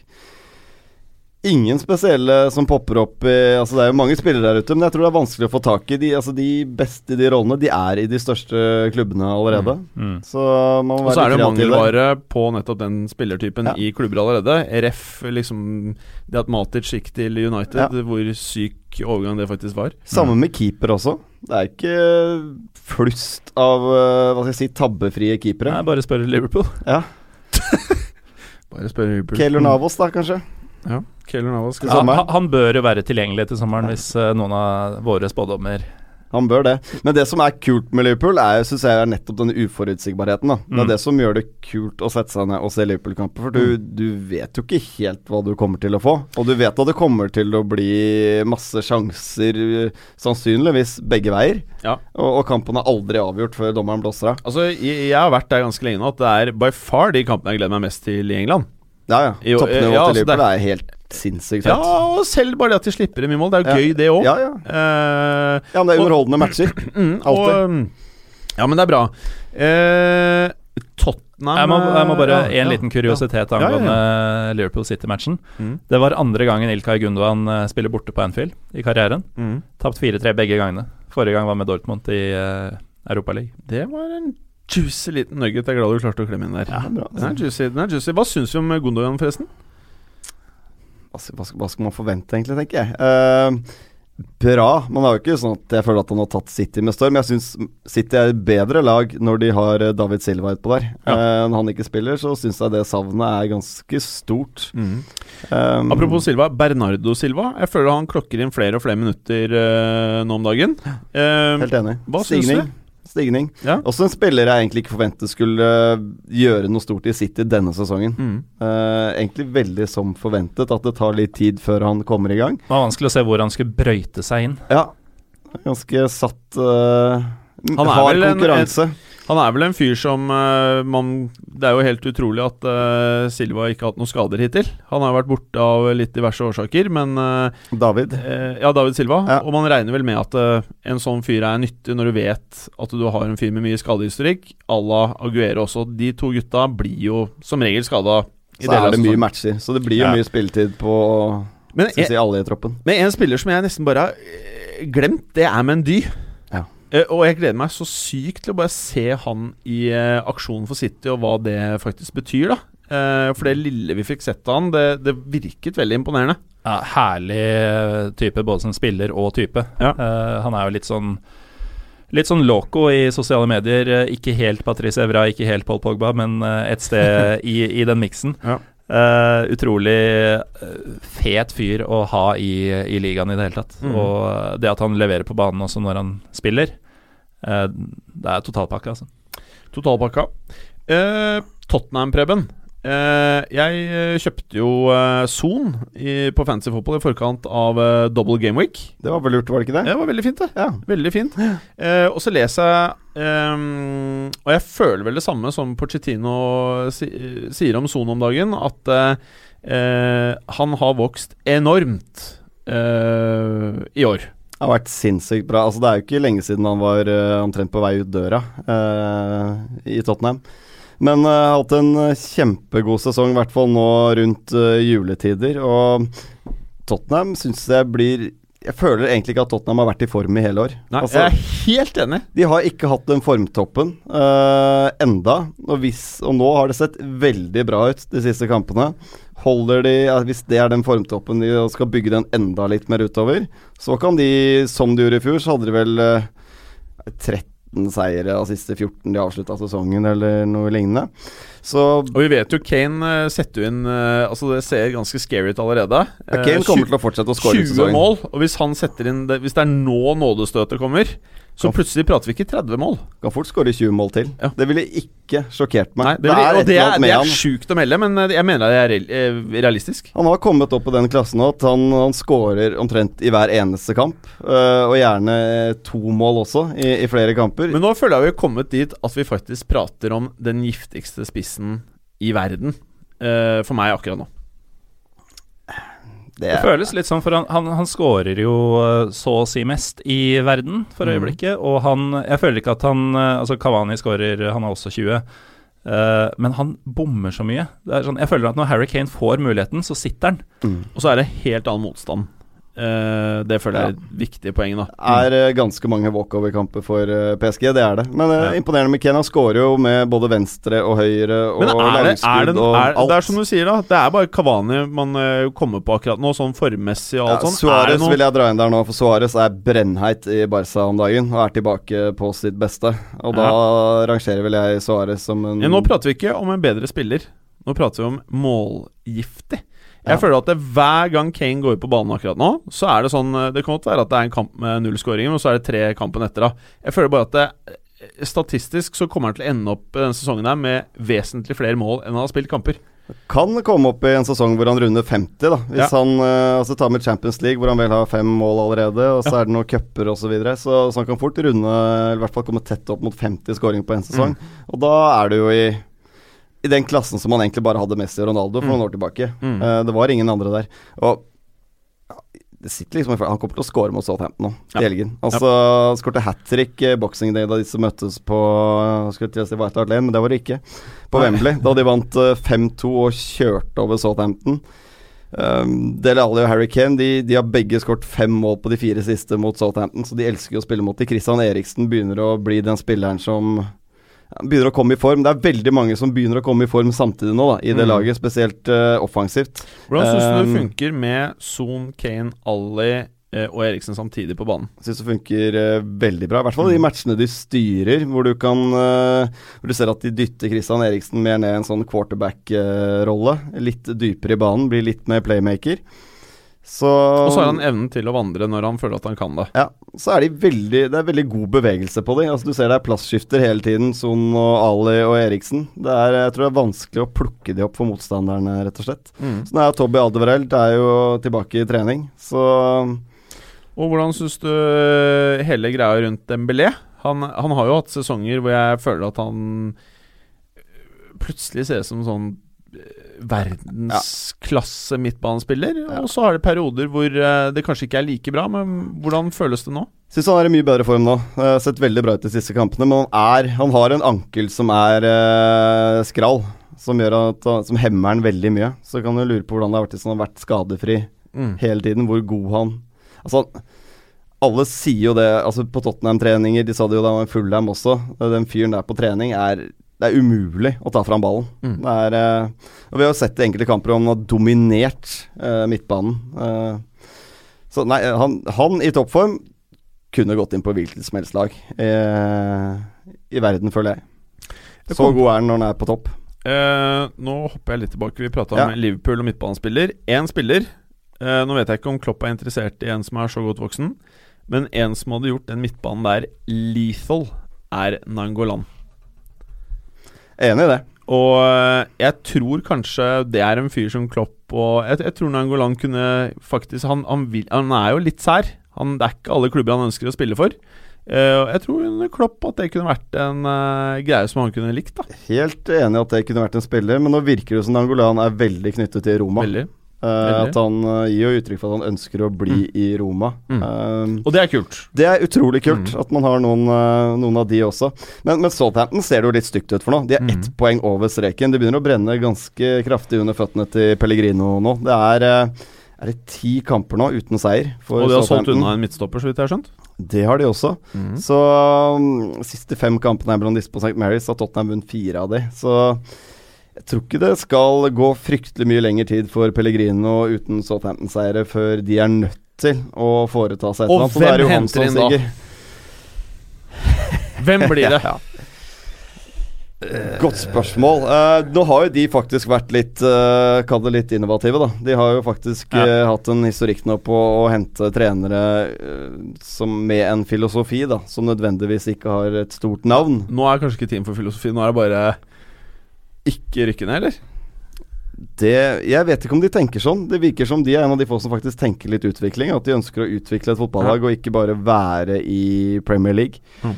Eh, Men nå har ikke de vært i, si. de har ikke vært i det Sump-området på mange Nei. år, som jeg kan huske i hvert fall. Og nå er de jo i en faktisk uh, fare for å gå ned, sånn som, uh, sånn som, formen er og sånn som tabellsituasjonen indikerer. Og de er jo dårligst i sør også akkurat mm. nå. De ligger bak både Brighton og Behemoth. Noen, spørsmål, noe annet hadde vært rart å forvente, kanskje? Spørsmålet Ja, ikke sant. Mm. Nå er jo Når de er såpass nære den kjipe, kjipe streken, Kommer de til å holde huet like kaldt som de har gjort når de har ligget på 10., 11., 8., 9. alltid? Plutselig er Sparky der. Mm. Mm. Eller Pulis. Eller Pulis, ja. Mm. Men da går det på en måte så utrolig bort fra de prinsippene du har hatt. Sant? Det er det som blir spennende uh, å se. Eh, ja. Hvor, uh, hvor legger Om panikken tar, tar, dem. Uh, ja, det kan fort skje. Ok, karer. Man City Newcastle. Ja. Dette her må jo bli en fet match, vel? Det må det jo. Eh, det er jo faktisk et Newcastle som er i ganske god uh, form. De mm. har uh, ett tap på siste seks matchene. Det kom for så vidt hjemme mot City. Blir, er du, frykter du en Park the Bus av pingvinmannen? Ja, det må man vel nesten regne med, men det er jo det dummeste du kan gjøre da, mot City. Og i hvert fall et City som er uh, revansjelystne. Mm. Så spørs det jo litt Nå veit jo City-spillerne at de kan tape. Mm. Newcastle veit at City kan slås. Uh, og altså, Sanchez er mest sannsynlig røyke. Det var spilleren de på en måte antok og håpa at de skulle få. Uh, det er mye som kan spille inn psykologisk, men uh, det, er, det, er, så mye som tyder på at Newcastle er sjanseløse allikevel. åtte ganger på rad i ligaen på toppnivå har City vunnet mot Newcastle. Altså de åtte jeg, siste hjemme og borte. Store favoritter. Mm. Men jeg syns Benitez gjør en god jobb, med en ganske rått råtten spillerstall. Altså, det er så championship, den uh, stallen. Ja, den er trist, altså. At mm. han faktisk får de resultatene han får med den klubben her. Og så eh, viser sånn jo hvor bra Benitez er, da. Og så er det jo litt det man nesten ønsker at det skal gå bra for når han har vært med ned. Uh, og det føltes som han ble lovet spillekjøp, som han mm. ikke fikk. Og vi leser nå om at han faktisk personlig er med i møter med spillere han ønsker å signere, for å få de over målstreken. Ja. At det er spillere som rett og slett ikke vil dit. Dessverre for han så fikk ikke Ashley solgt klubben nå, så mm. han må slite med Mike Ashley en god stund til. til. det er en altså. katastrofe for den klubben der. Mm. Men, men, men, eh, for Benitez, da. Hvis det er sånn at det er noen som har eh, penger og ambisjoner som kommer inn der, så er det et utmerket eh, tidspunkt å være i denne klubben og ha vært med ned blant fansen. Tenk deg hva slags stjerne du får hvis du klarer å være med opp igjen og, og, og ta et klyv oppover tabellen i årene fremover. Ja, Så får du riktig eier i den klubben der, så har de alle mulige forutsetninger for å bli en mm. uh, stormakt igjen i, i engelsk fotball. Mm. Um, vi får se, men det kan jo hende at uh, plutselig så forsvinner Benitez. Det er jo klubber der ute som ser hvilken jobb han gjør, og Southampton. Ja, Kanskje Southampton? det hadde vært det rareste steget. altså ja. Forlate Newcastle-jobben for å ta over et Southampton som ligger bak. Drakta. Ja. Men uh, de fire siste gangene de har møttes på Etiad, så har det blitt minst fire City-skåringer. Og uh, det er vanskelig å se hvem som skal Altså Åpenbart at Newcastle kommer til å trenge et par mål for å få med seg noe herfra. Vanskelig å se hvem som skal gjøre det for dem. Det blir i hvert fall ikke Matt Ritchie. Nei. Han har uh, fortsatt ikke scora i ligaen, tross 40 skudd. Det er ræva ratio, det. Ja, det er ikke optimalt, nei. Ja, ja. Så denne City reiser seg og vinner med to til fire mål. Mm, mm, mm. Bra. Og hvem eh, på City kjøper man hvis man ønsker å få litt poeng på fancy fotball, da? offensive spillere. Å ja, sier du det? Stirling. Stirling? Bra. Eh, Europa preview, Gallosen. Mm. Eh, jeg uh, leste om uh, statistikken til den fremre treeren til Lyon her om dagen. Og jeg spurte jo eh, rett før sending i dag om Mariano, Mm. som de kjøpte for 8 Var det 8 millioner euro, tror jeg det var.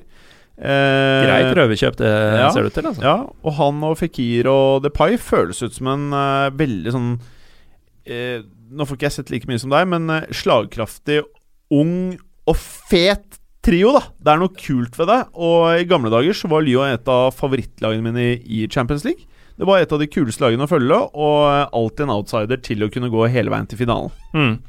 Eh, det er eh, Du sier det egentlig bedre enn en meg. Det er et utrolig fett lag å følge denne sesongen. Det er Og eh, selv jeg, da, eh, kanskje Memphis Depies hardeste kritiker i hele verden de siste årene, eh, sånn som han spiller på den venstrekanten der, så er faktisk han også fet å se på. Ja. Eh, det har jeg ikke sagt uh, siden VM 2014. Nei. Eh, med unntak av én match mellom United og Midtjylland. Eller Nordsjælland, eller hva det er. For der skjedde Der spilte han bra. Ja, okay. Men Ja, han møtte jo også verdens dårligste back. da Det er det verste jeg har sett. Rømer, tror jeg han het. Ja. Ja, Stakkars den kampen husker jeg faktisk. Eh, så Lyon ligger jo på andreplass uh, med 45 poeng, og de skal jo faktisk ta imot på søndag kveld. Dessverre krasjer de med Inter Roma, det blir beinhardt valg. Men eh, Lyon skal ta imot PSG, Mm. nummer to mot nummer én. Det blir jo vilt. Det blir vilt. Det er hat på tribunen og Ønsker du å se PSG tape en ligakamp, så er sjansen egentlig ganske liten her også, men det er den sjansen du får, tenker Ja. jeg, eh, ut sesongen. Eh, men eh, apropos PSG, de har jo, det har vært et par midtukekamper som er verdt å nevne. PSG tok jo mot Sennep, uh, eller Dijon som de heter. 8-0 ble det. Ja. Og, og det Og sånn, buing. ja, men jeg, jeg, jeg, ser at det er 8-0. Jeg gadd jo ikke å se matchen, for det var sånn Det var andre ting å gjøre. Det var Monaco-Nice og greier. Mm. Uh, men man ser at det er 8-0, og jeg, jeg løfter nesten ikke et øyebryn. Det, det er så etter oppskrifta. Og så tenker jeg litt over det, så bare Dijon er jo ikke noe sånn desidert bunnlag. De ligger midt på tabellen. Mm. De, de blir bare vræka. Det er fire mål i hver omgang, og eh, det er 13 skudd på mål bare, da, faktisk, fra PSG. Åtte av dem går inn, så det er ikke verdens beste dag på jobb for eh, keeperen heller. Men så ser du da på lista her Di Maria skårer to. Kavani putter, Mbappé putter. Neymar setter like gjerne fire. Mhm. Eh, det Den lista er så gal, altså. Og så må vi nesten bare eh, Kavani tangerte målrekorden til Zlatan. Det er riktig. Ja. Eh, og han kunne jo gå forbi hvis han hadde skåret på en straffe som Neymar tok, da. Mm. Eh, og det syns jeg er litt sånn symptomatisk for Neymar. At eh, eh, Jeg føler ikke at han blir helt elsket i Paris. Eh, og når du får Altså, du buer.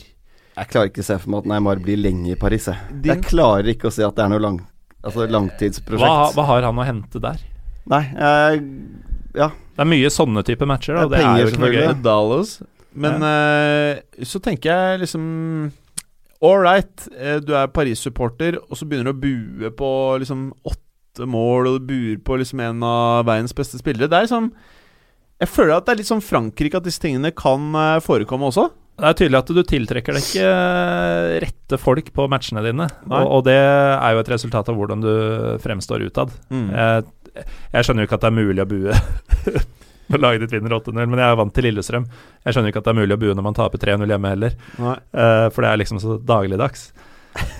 Men eh, det er jo helt åpenbart at uh, dette har jo blitt en uh, det, er- det har blitt nesten som å gå og se på Eiffeltårnet, ikke sant. Du må se Eiffeltårnet, du må se Triumfbuen, du må se Notre-Dame, og du må se dette stjernegalleriet. Mm. Uh, og så går du på TripAdvisor etterpå og sier at den 8-0-kampen, det, var- det var en toer. Jeg vet ikke helt. Ja, det blir litt ja. sånn kjedelig da når du får Ja. sånne oppgjør. Ja. Altså, PSG er kjempemorsom å se på det altså, når det funker, men i de matchene der Det er jo Men Det er ikke det en nøytral fotballsupporter Men hvis vi må liksom uh, gi Neymar litt honnør, da. Det ene frisparket var uh, Det så ut som eh, han bare Det så ut som han spilte fotball med kompisen sin og bare lompa ballen i mål. Det er, det er nesten sånn at når jeg så det litt uh, Måtte jo se det tre-fire ganger. Det er nesten det føles som at det er en voksen mann som bare lomper ballen forbi en haug med kids. Eh, Det er ganske sjukt. Han leker ganske greit i den ligaen der. Han gjør det, til tider. Og jeg føler vel Nå kan det godt være at det er det, da, men jeg føler at det, nå, det, nå føles det ut som Neymar er den neste. Nå, nå er det ikke noe tvil. I Barca så var det sånn Ok, er det Neymar, er det Hazard, kanskje det blir Dybala. Nå føler jeg liksom det er, det er gitt. Det er Neymar. He's the next guy. Eh, og da lukter det en liten eh, overraskelsestransfer, tror jeg, allerede til sommeren. jeg. Real Madrid. Ja. Jeg eh, tror også det. Jeg sitter bare med den følelsen at Neymar han blir ikke lenge i PSG. Uh, og da er det egentlig bare Madrid som er et alternativ. Ja, med mindre City går nuts, og det skjer et eller annet. Men jeg vet ikke om han vil dit heller. Jeg vet ikke. Aner ikke. Vanskelig å si. Spørs jo hvor god kompis han er med si eh, Gabriel Jesus og Fernandinho og gutta. Mm. Jeg Eh, føler liksom eh, kroken på Ronaldo. Eh, Real Madrid er jo ikke spesielt redde for å gjøre sånne ting. mm. Eh, og rett inn med Neymar. Akkurat det samme som skjedde med Robinho. Historien eh, bare gjentar seg. Vi prata om det før sending også. Inn med Cristiano og Robinho rett ut. Det, det lukter litt sånn her. At det er litt Ja for mye. Ja, mm.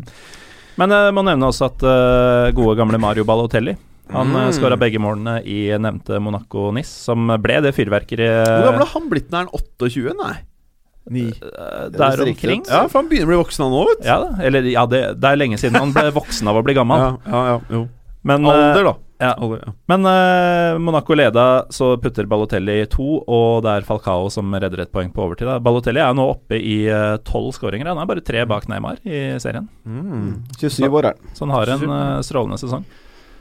Eh, de skal for øvrig møte Nis, nei, uh, Saint-Étienne på søndagen, noen timer før denne storkampen i Lyon. Den bør bli snacksy, altså. Det er eh, Det er et eller annet med Balotelli selv, når Liverpool henta han inn, og jeg bare visste liksom fornuften i meg bare Dette her er så dumt. Så var det et eller annet gøy med det.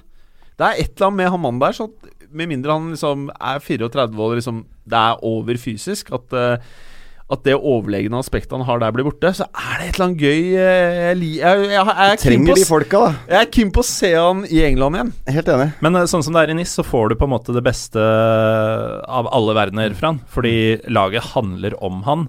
Eh, så han eh, Det er jo Mario Balotelli-show hver gang NIS spiller, så fremt han ikke er skada. Og eh, ligaen er jo litt sånn Vi snakka om med Dijon og Neymar og nivået og sånn. Den er såpass dårlig at uh, han kan spille på et lag Nå ligger NIS på sjetteplass akkurat nå, tror jeg, men de hadde en ganske dårlig start på sesongen. Likevel så, så scorer han på bestilling og kan liksom gjøre litt hva han vil i den ligaen. Da. Og Mm. det, det tror jeg han digger. Så du har en fyr som, som trives, selv om, uh, selv om navnene rundt ikke er de største. Det er kanskje da Men han han trives må jo være i en sånn klubb Ja. hvor han er den ubestridte stjerna. Mm. Helt klart. Uh, ok, La Liga, Preben. Um, Vi tar Altså- en ny runde med Real Madrid. ja, er, jeg vet liksom ikke hvor mye vi skal si, men Det er jo ikke Er- er stor det- er endring fra forrige uke, Ja, da vi snakket altså- om det på telefonen. Ja, altså Det er jo de samme spillerne, og det er jo Samme lagoppstilling, Men- ingen endringer, samme filosofi. Men jeg leste noe som var uh, Hvem var det som sa det? At, uh, var det Marcello som sa at uh, Reals mål i år er topp fire?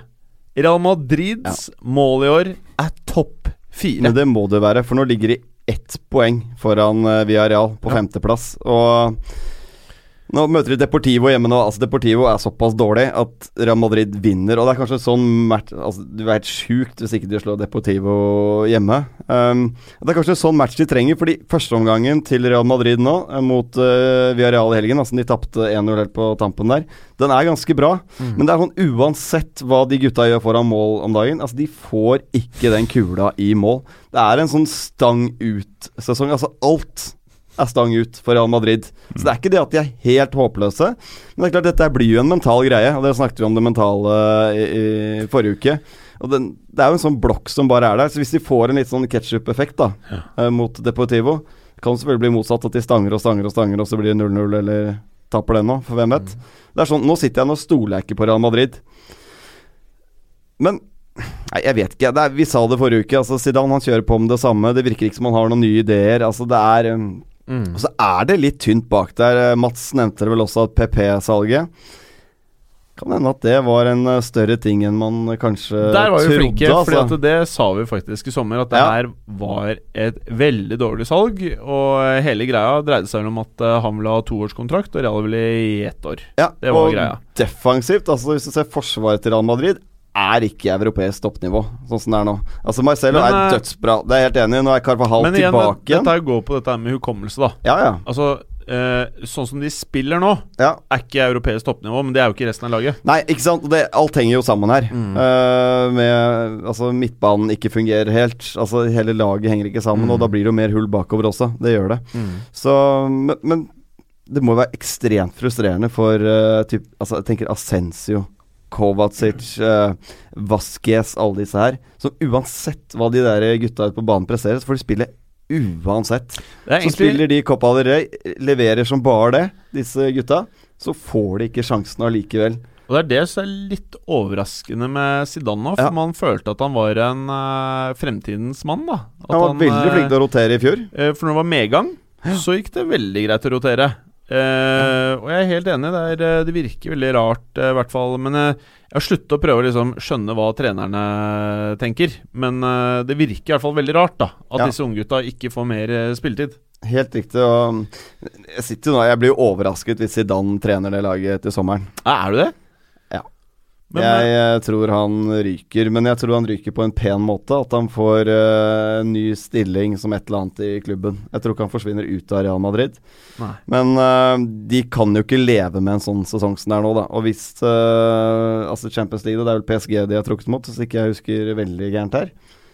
Blir de most av PSG, da da kan de ikke fortsette sånn som nå. Jeg er enig i at hvis de blir most av PSG, Ja. så er det vanskelig for Perez å på en måte politisk, ikke sant? Det er jo Ja. det det ofte blir. Ja. Politisk i klubben og på en måte Er du veik hvis du ikke gjør en endring? Ja. er du for glad i Zidane, den stilen her? Men jeg tror at eh, om de ryker ut av Champions League i eh, 3-3 bortemål og eh, sånne type Nei, Da tror jeg ikke nødvendigvis det er helt krise. Eh, Nei, men jeg er enig i at eh, det virker ehm, Men så er det det konstante i greia. Hvem henter du? Hva, hva, hva skulle du hente? Fordi de Antonio Conto. Ja, er de keen på den fotballen, skjønner jeg jeg mener? Ja, jeg skjønner hva du En ny Benitez-periode. jeg, jeg, jeg, vet, det er vanskelig, det er vanskelig. Uh, Betis uh, Nei, uh, Barcelona. Ja, De har jo hatt eh, en liten smell. Dembélé, eller? Eh, nei, altså et lite, et lite tap. Ikke Barca. Barca. Ja, Español i Ja. Copa del Rey, ja. Ja. ja. Men det er jo cupen, og der er jo føl- en uh, Føler vi at uh, dette her er som eh, City, at uh, det kan spille inn psykologisk, eller er de så Nei, de så lagoppstillingen Barca kom med der, så var det Messi og Piquet og resten av stallfyllet som fikk prøve seg. Ja. Så, og det, det tror jeg de driter i. Det er to kamper i Copa del Rey. Den første taper de her nå borte. Hive på Suárez, uh, Iniesta sannsynligvis tilbake fra skade. Uh, Storskårer Paulinho, Mm. uh, alle disse her. Uh, de tar seg greit videre. Mm. De slo dem 5-0 hjemme tidligere i sesongen. De er et klasseforskjell mellom Español og Barca Ja. når de stiller fullt. Så de cupmatchene i Spania Du ser lagoppstillingen Real Madrid sender utpå i kveld også. De, altså det er elleve bytter uh, som Zidane gjør til den matchen der. Så for topplagene så er Copa del Rey Når du har to kamper å gjøre det på, da så, så kan du rett og slett i den første matchen sende på begge gutta, og så ordner de beste dette her. Men en som står ut nå, da, som vi ikke har snakket så mye om i, i Barca-laget, er jo Fermalen. mm. Som i Umtitis eh, fravær. Han har vært god, Ja. uh, men det er klart det er jo ganske enkelt å komme inn i det laget som fungerer så bra som det gjør, da. Mm. Men uh, nå har han hatt en lengre periode hvor han har vært skadefri. Eh, han Og det er er at de jo prøvde, har prøvd å kvitte seg med han, og ingen som ville ta han. Nei da, var ikke Mhm. det. Men han er god med ballen, han er god i duellene. Klarer seg veldig, veldig bra, altså. Så han gjør ting veldig, veldig enkelt, men uh, det fungerer bra. Det gjør det. Altså det. Man har egentlig ikke merket det fraværet til uh, Umtiti på den måten man kanskje hadde trodd at det skulle være. Og nå slo de jo eh, Real Sociedad på bortebane nå etter å ha ligget under 2-0, så vant de 4-2 på Anoeta, og det er en stadion de har slitt på ti år siden sist, vel. De fikk med seg tre poeng derfra. Så du må huske på med Barcelona. De har møtt Real Madrid borte. De har da møtt Real Sociedad borte. De har møtt Valencia borte. De har møtt Atletico Madrid borte. De er ferdig med alle de verste kampene. Og allikevel så er de så overlegne som Mm. de er. Uh, et seriemesterskap her ser ut som de surfer inn. Men jeg tror dette kan bli en morsom kamp, for Betis er jo sånn halvveis eh, uforutsigbare, kan man si. Så de kan jo plutselig kjøre på med et ordentlig show, Mm. uh, som vi så i byderby mot eh, Sevilla blant annet. Men Samtidig så er det så skjøre bakover at det er Jeg klarer ikke å se for meg at Barcelona ikke skårer minst tre mål i den Betis-kampen. Så da må de opp i ringa offensivt, i hvert fall hvis de skal få med seg noe. Og så over til eh, det laget jeg syns selvfølgelig det er mest spennende å følge i Spania akkurat nå, pga. Diogo Costa. Eh, Atletico Madrid. Costa åpnet jo eh, hjemkomsten til eh, Madrid med et eh, pang, Ja, han si. bøy på alt han har å by på Ja. i første kampen, med utvisninger og skåringer og det hele. Men Atletico Madrid ser ut som et helt annet fotballag nå med Diego Costa. Ja. Uh, han gjør de gutta rundt seg bedre, det dette med auraen hans, da. Men så tror jeg Det, her, det er det her vi er innom Mm. hver eneste sesong her. Det er noe med disse gærningene. At Ja. du må ha han fyren som Jeg gidder ikke det pisset her. Nå skal du spille, og vi skal ut på banen, vi skal vinne. For i høst så har Atletico Madrid vært litt snille, og det kler ikke Atletico å være eh, et sånn snilt lag. Nei, nei, nei. nei. De må være litt sånn badass for at dette skal eh, funke, og nå ser det bra ut. Nå er det seks seire på siste syv. De har åtte baklengsmål på 19 seriekamper i denne sesongen. Det er, eh, det er ganske imponerende. Mm. Men de har vært fryktelig kjedelige å se på. Nå er de hakket mer morsomme å se på, litt mer å by på offensivt, og nå vinner de gjerne de der eh, som endte 0-0, da, veldig ofte, eller 1-1 i høst. De vinner de nå 1-0 eller 2-1. Eh, Eh, Tror vi Griezmann blir? Uh, hva er tankene her, folkens? Nå hjelper det at eh, Diego Costa er tilbake. Har det noe å si? Tror kanskje det har noe å si hva Simione gjør, jeg. Mm. hva som skjer med Diego Simione. Mm. Eh, forsvinner Simione, så tror jeg det kan være ganske mange som ønsker å forlate den eh, skuta der. Mm. Jeg tror jeg, jeg sitter med følelsen av at Grismann forsvinner til en eller annen klubb i sommer. Jeg tenker også det, det virker som om eh, de, har- de har vært så tett på eh, Eller de har vært så høyt opp en klubb som Atletico kan komme, da, med et par Champions League-finaler, tittelrace et par år på rad osv. Uh, og han har vært med på det nye stadion, uh, den type ting. Det, er- det, er, det er ikke mer gris man realistisk sett kan få ut av Atletico Madrid-oppholdet, utenom da å skulle ville bli en slags klubblegende. Uh, men det er han jo på sett og vis allerede. Ja da, han er det. Så nei, det, er, det virker jo som i sommer at han tok ett år til. Mm. Selvfølgelig én for å få spille inn den nye eh, Metropolitanoen. Eh, også pga. Ja. registreringsnekten, da. Som det er ikke en overgangsnekt, men registreringsnekt, som de hadde nå i sommer. At han var kul og tok igjen for laget og ble en sesong til. Eh, helt sikkert gjort en avtale på at neste sommer så kan du stikke. Så det blir spennende å se hvor han ender opp, da. Eh, det kan jo i og for seg være overalt. Bra. Eh, hvis Griezmann stikker, bare for å ta det, er det en åpenbar erstatter der ute som kan smette inn der? Ja, Som er realistisk, da, Ja. for Atletico Madrid, vel å merke. Jeg blir ikke overrasket om uh, Gameiro faktisk kommer opp på det nivået som han tidvis var på i Sevilla, med Costa ved siden av seg. Um, Simeone syns han er viktig. Han ble matchvinner nå mot Eibar i forrige runde. Får, uh, han leverer faktisk ganske ofte når han kommer inn og får sjansen nå, altså. Så kanskje de allerede har han i eh, klubben.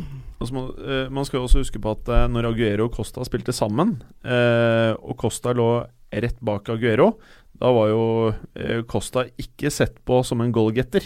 Han var sett på som eh, en klassisk sånn litt Manzukic-type. Ja. Kunne dra seg litt ut på siden, forstyrre motlaget, og iherdig jobbing. Og like jævlig å møte, selvfølgelig, på den tiden. eh, Det var jo grusomt å se kamper mot eh, Diego Costa.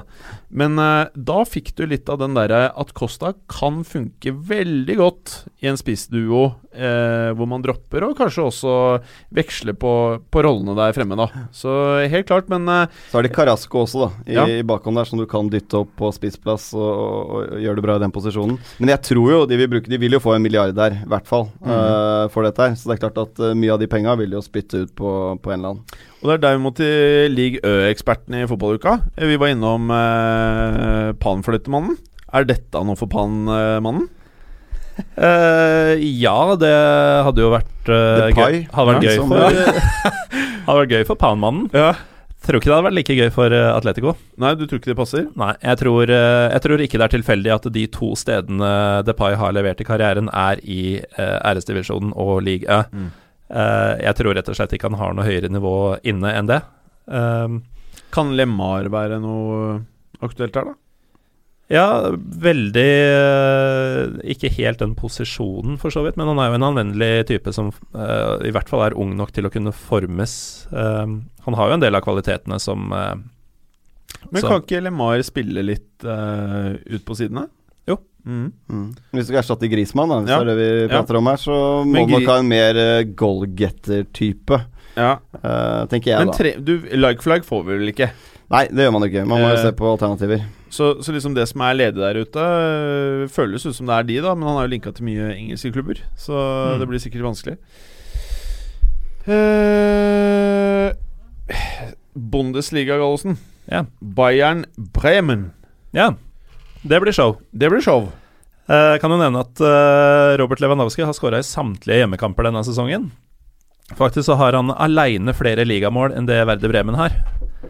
Det er jo eh, eh, en god indikasjon på hva slags kamp vi har i vente. da Eh, Selv om du har Manuel Neuer og, og Thiago ute, så, så lukter dette slakt. Um, Hvordan har Bremen vært i år? De har ikke fått sett altfor mye Bundesliga. Men uh, Bremen har ikke sett det i det hele tatt. det, de er ikke dritbra. Eh, kan man si. De, eh, de kom under Nå var det jo første matchen etter, etter vinterpausen sist. Uh, spilte hjemme mot Hoffenheim, som er i ferd med å miste masse spillere. Kom under og klarte å hente ett poeng, og, og det ble feira nesten som en seier. Ja. Eh, og det er ikke helt den mentaliteten du skal ha. De ligger Nei. på 16.-plass, uh, den som egentlig Hamburg, som ligger på plassen bak, kommer til å ta. Ja, for de Eh, overlever alltid i siste runde, gjør de ikke det? de eh, overlever alltid i kvaliken, Kvaliken, som sånn 16.-plassen gir. Eh, så Bremen er i skikkelig trøbbel, og det trøbbelet er ikke noe mildere etter at de eh, har tatt turen til Allianz. Uh, Bundesliga-rekorden, faktisk, eh, for ett lags seire mot eh, over et annet. Det er eh, faktisk Bayern mot Verde Bremen. De har 14 strake seire mot dem, og, og den kommer til å bli 15. De har 30 hjemmekamper i ligaen uten tap. Uh, så det er to ting som kommer til å skje her. Uh, stat attack. Um, Verde Bremen kommer til å gå på sitt 600. Bundesliga-nederlag. De har 599 nå. Uh, og hvis Havi Martinez spiller, så kommer han også til å sette en rekord. Um, det er hans kamp nummer 100 i så fall. Og han vil da ta sin 85. seier, altså i ligaen, eh, kamp nummer 100. 85 av 100. 85 seiersprosent. prosent. Decent. Det er greit, det, altså. Ja. Decent. Det er da det høyeste antall seire på 100 kamper kamper i Bundesliga. eh, om dagen? Strålende. Mm. Mm. Og det spiller ingen rolle hvor du putter den. Er Hva er, stopper, er, hva er det som er den store forandringen her? Han har jo hatt en periode hvor han eh, nesten ikke var synlig eh, i elveren, til å bli en eh, viktig del igjen. Jeg syns alltid når han har spilt, så har han uh, levert. Og det er ikke uten grunn at de gangene han har vært på banen, så vinner dem 8,5 av 10 ganger. Uh, han er jo uh, ganske komplett som type. Han er robust i lufta når han spiller stopper. Han er spillende, taklingssterk, posisjons... posisjoneringssikker, hva man skal kalle det. Eh, han bidrar med trygghet, da. Og, og han kan diktere tempoet i, i spillet. Og så har det jo vært mye defensive spillere som har måttet konkurrere mot. Han har hatt en del skadeproblemer eh, opp igjennom. Men han er, eh, ja, han er det som Liverpool ikke er. Han er bunnsolid. Mm. Og eh, litt morsomt så kunne han jo forsterka Liverpool i begge de to posisjonene han veksler på. Bra. bra Match-Morten på Twitter, hvis det er noen kommentarer på det. Uh, Kimmich uh, Jeg har sett Tilbake fra skade. Ja, det jeg har sett av Kimmich eh, Her må vi jo begynne å prate med en av de mest verdifulle Jeg vet ikke om man skal kalle han eh, forsvarsspiller nå, ja. det er vel det han eh, på en måte blir sett på som nå, men eh, det han leverer, er eh, vilt. Ja. Og vi, vi calla det jo, selv om jeg kanskje ikke trodde det ville skje i år, at vi calla at han kunne ta over rollen til Lam. Jeg, jeg, jeg trodde På strak arm. Ja. Det er litt sjukt, er det ikke det? Det er jo sjukt, men, eh, men som du sier, vi calla det. Ja. Vi er, vi er jo ikke så overraska. Nei, men det er allikevel litt eh, Det er utrolig gang at det er mulig. Ja, Men eh, når man kjente han såpass godt som vi gjorde etter de siste par sesongene, så, så er det ikke utrolig at det er han som får det til, hvis noen kunne gjøre det. mm. og, og, og det at han er så allsidig, Ja. det betyr jo at eh, her har vi jo liksom Jeg er sikker på Pep sitter borti sitter der fråder hver gang han ser ham på skjermen og bare eh, Dette her er jo eh, Det er gull å ha sånne spillere i salen. Det er moderne fotball. Altså, ja. eh, Det beste du får. Veldig lik sånn altså Sergio Roberto, den rollen han har i Barca. Du kan Mm. dytte den overalt, om det er venstreving eller høyreback. Altså, sånne spillere, å ha de i troppen, da. Helt nydelig. Mm. Men Roberto gjør det ganske bra. Ja. Kimmich stråler. Ja, Mm. Kimmich syns Jeg skulle til å si det, jeg ville ikke ødelegge resonnementet ditt, men Kimmich er er for meg eh, det beste på det han gjør, altså topp tre i verden på alt jeg har sett han gjøre, da. Uh, så Han her kommer bare til å bli bedre. Ja, Hvor gammel er denne eh, gutten, da? Er 24 nå, kanskje ikke det Ja, engang. jeg tenkte 22-23, men uh, uh, han har imponert meg. Og så syns jeg det er litt spennende å følge hva som kommer til å skje med Hames fremover. Han blir 23 om noen uker. Mm. Ikke Hames, altså. Nei, men Kimmichen. Mm. Hva Ja. tenker vi om Hames uh, her, da? Hames uh, får jo en stadig viktigere rolle i, uh, i Bayern-laget, og det er helt åpenbart at han trives. Nå snakkes det om at eh, Bayern vil forlenge med Jupp Heinkes. At Mm. dette ikke lenger er en midlertidig kriseløsning, men noe de skal gå for framover. Ja, hvorfor skulle det ikke? Nei, ikke sant. Det er jo det at eh, han kanskje vil tilbake til hagen sin, da. Men, ja. men han virker å kose seg, han også. Og ikke minst så, så ser det ut til at Hames eh, liker å spille fotball igjen. At eh, han, eh, han er nå en såpass viktig del av et lag, og et eh, av verdens største lag fortsatt, selv om det Mm, på sett og vis er et steg ned fra, Bayern, eh, fra Real Madrid. Eh, de vil, sånn det ser ut nå, forlenge med han. Eh, de, jeg tror han har lyst til å bli der. Og Prater vi om Hames eller Klo- uh, Hames. Han har jo uttalt vel det i dag eller i går eller noe, at han mm.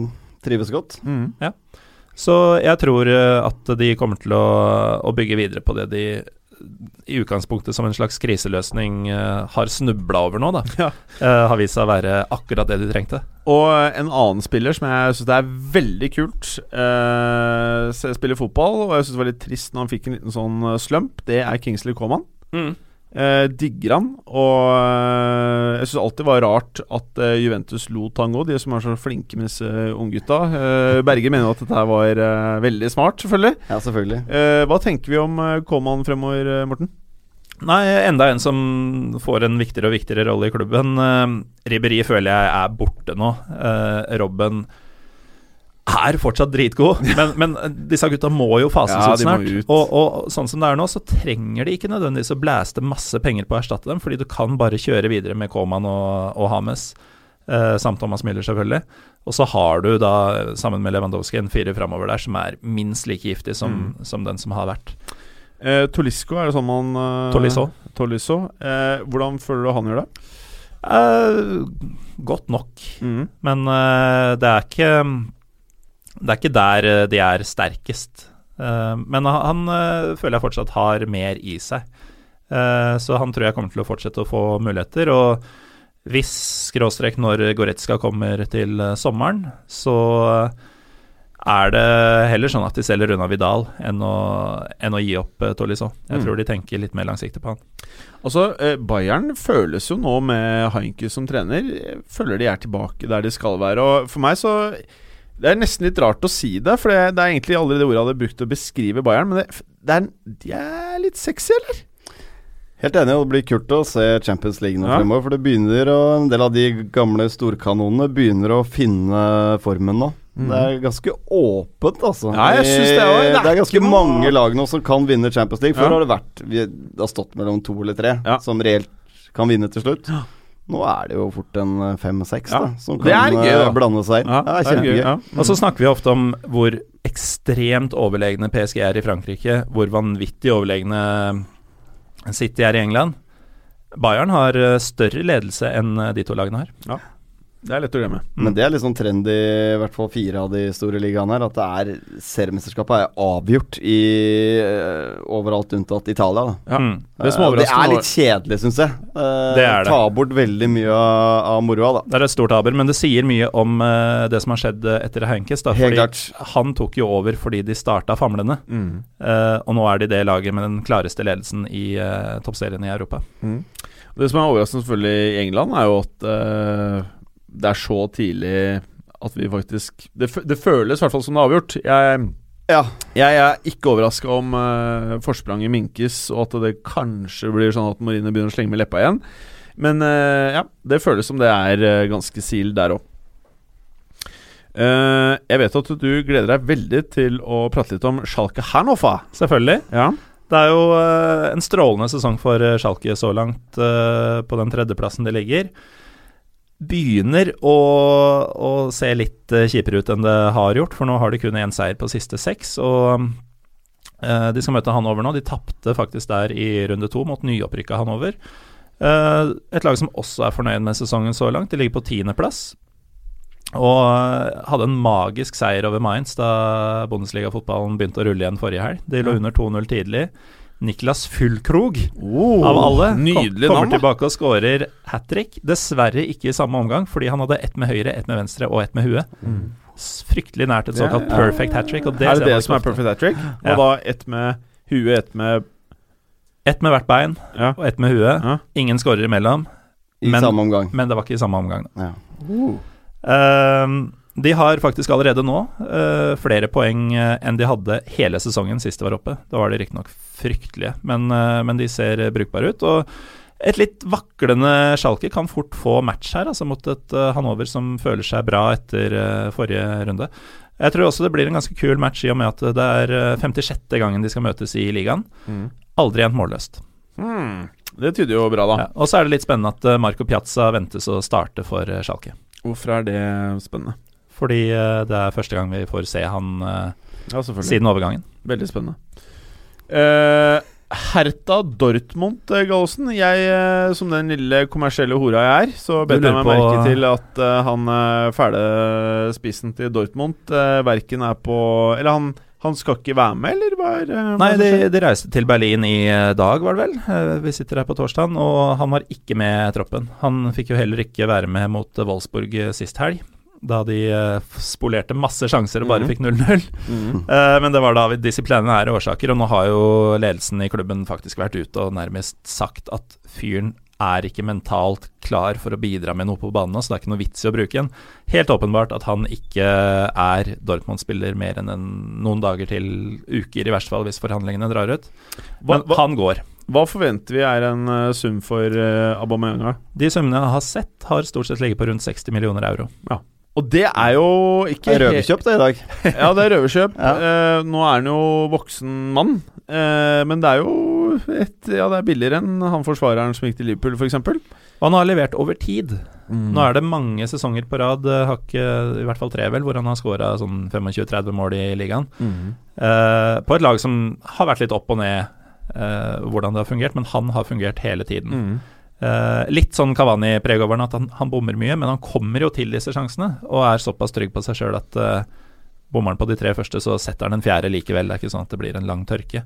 Og så har han en enorm X-faktor i hurtighet, Mm. og han er jo en eh, veldig kul spiller å se på banen. Og blir det Arsenal, så er det jo Da kommer uh, Mesut Özil til å legge seg fullt erigert den kvelden den signaturen eh, Den signaturen vil er i boks, for det er en fyr å sikte på i bakrommet, altså. Ja, Han tror vi passer veldig godt i Arsenal. Mm. Så han går det en kjempesignering på Arsenal hvis de får Altså Hvis de får han og eh, Ed- hva, det blir jo, om ikke annet, jævlig spennende å følge. Mm. Ja ja, det gjør det. Ja, det kan være himmel og helvete, og blir Og så blir det gøy å se Sanchez i United. Jeg gleder meg til alt dette. Jeg, det, er vin, det er som du sa, Preben. Det er vinn-vinn-vinn. Ja, Vinn-vinn for alle. Ja, mye som blir gøy. Men uh, apropos, uh, så har jo ikke Dortmund vunnet i uh, Bundesliga denne sesongen når uh, Aubameyang ikke har vært på banen. Tre er ganger, ikke så har det, tre ganger har det skjedd, og det er vel én uavgjort og to tap, hvis jeg husker riktig. Han er jo ikke med her. Eh, en eh, britisk journalist som følger Bundesliga, Archie Reintut, Oha. eh, rart navn, har aldri sett Dortmund vinne, eller i hvert fall ikke denne sesongen. Han skal på matchen. Hertha har sjans her, altså. Ok. Og det, de har vunnet to av de tre siste matchene mot Dortmund i Berlin også. fin liten sak på slutten der. Ja. Eh, vår kjæreste Berger er jo ikke i studio, som dere sikkert har merket til, lyttere. Eh, skal vi gå kjapt gjennom Serie A? Ja, Sånn Kan si litt om program på søndag, da. Ja, for det, er det har ikke kult. skjedd noe siden sist. Nei. De har, eller det har hatt pause i et par uker. Det har vært ulidelig. Men uh, som alltid i Italia, så hver eneste runde så er det noe som man får litt vann i munnen av når man ser det på papiret. Ja. Og, og, og Det er så jeg ser, mange fete lag i toppen Ja. der nå, så det er alltid en fet matchup. ja. Mm. Og jeg gleder meg kanskje mest til Inter Roma.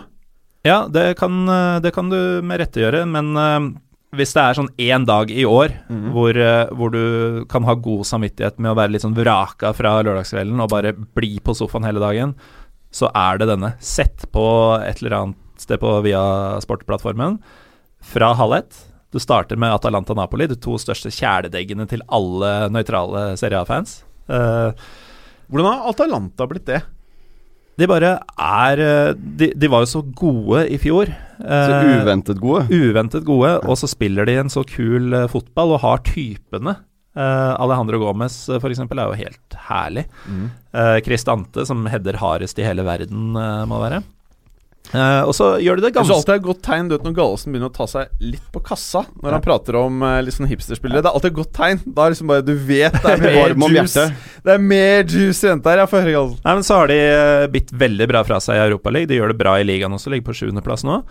Eh, så det er en uh, ordentlig godbit allerede klokka halv ett. Sånn rett etter at omeletten og den første kaffekoppen er nede, og du begynner å slutte å skjelve litt. Eh, så blir klokka tre, og da har du jo masse Høres ut som litt annen lørdag morgen enn deg, Preben. Det er riktig. søndag. Det er riktig. Ja, Søndag søndag morgen. morgen. Ja, ikke denne uka. Du har vært hardt utpå. uh, Ja, denne uka har vært Ja. Men uh, klokka tre så er jo de aller fleste matchene Den jeg ser meg ut, er Sampdoria Fiorentina. Så å si tabellnaboer. Og igjen kule lag å se. Mye spennende spillere som uh, kommer til å finne seg større klubber uh, snart. Dessverre. Dessverre, men uh, sånn er det. Så har du Cagliari Milan uh, klokka seks. Alltid gøy å se Ja. hva Milan, uh, hvordan de har utvikla seg siden sist. Nå har de hatt et par uker å jobbe på. Jeg tror veldig lite har skjedd. Før da Inter Roma avslutter. Så du kan i praksis sitte der fra morgen til kveld med kun serien. Og det er alle de kampene tror jeg blir verdt å få med seg. Apropos spiss Atletico Madrid, Chiro Immobile. Er han en fyr som kun funker i Italia? Åh, ikke mer i Mobile nå.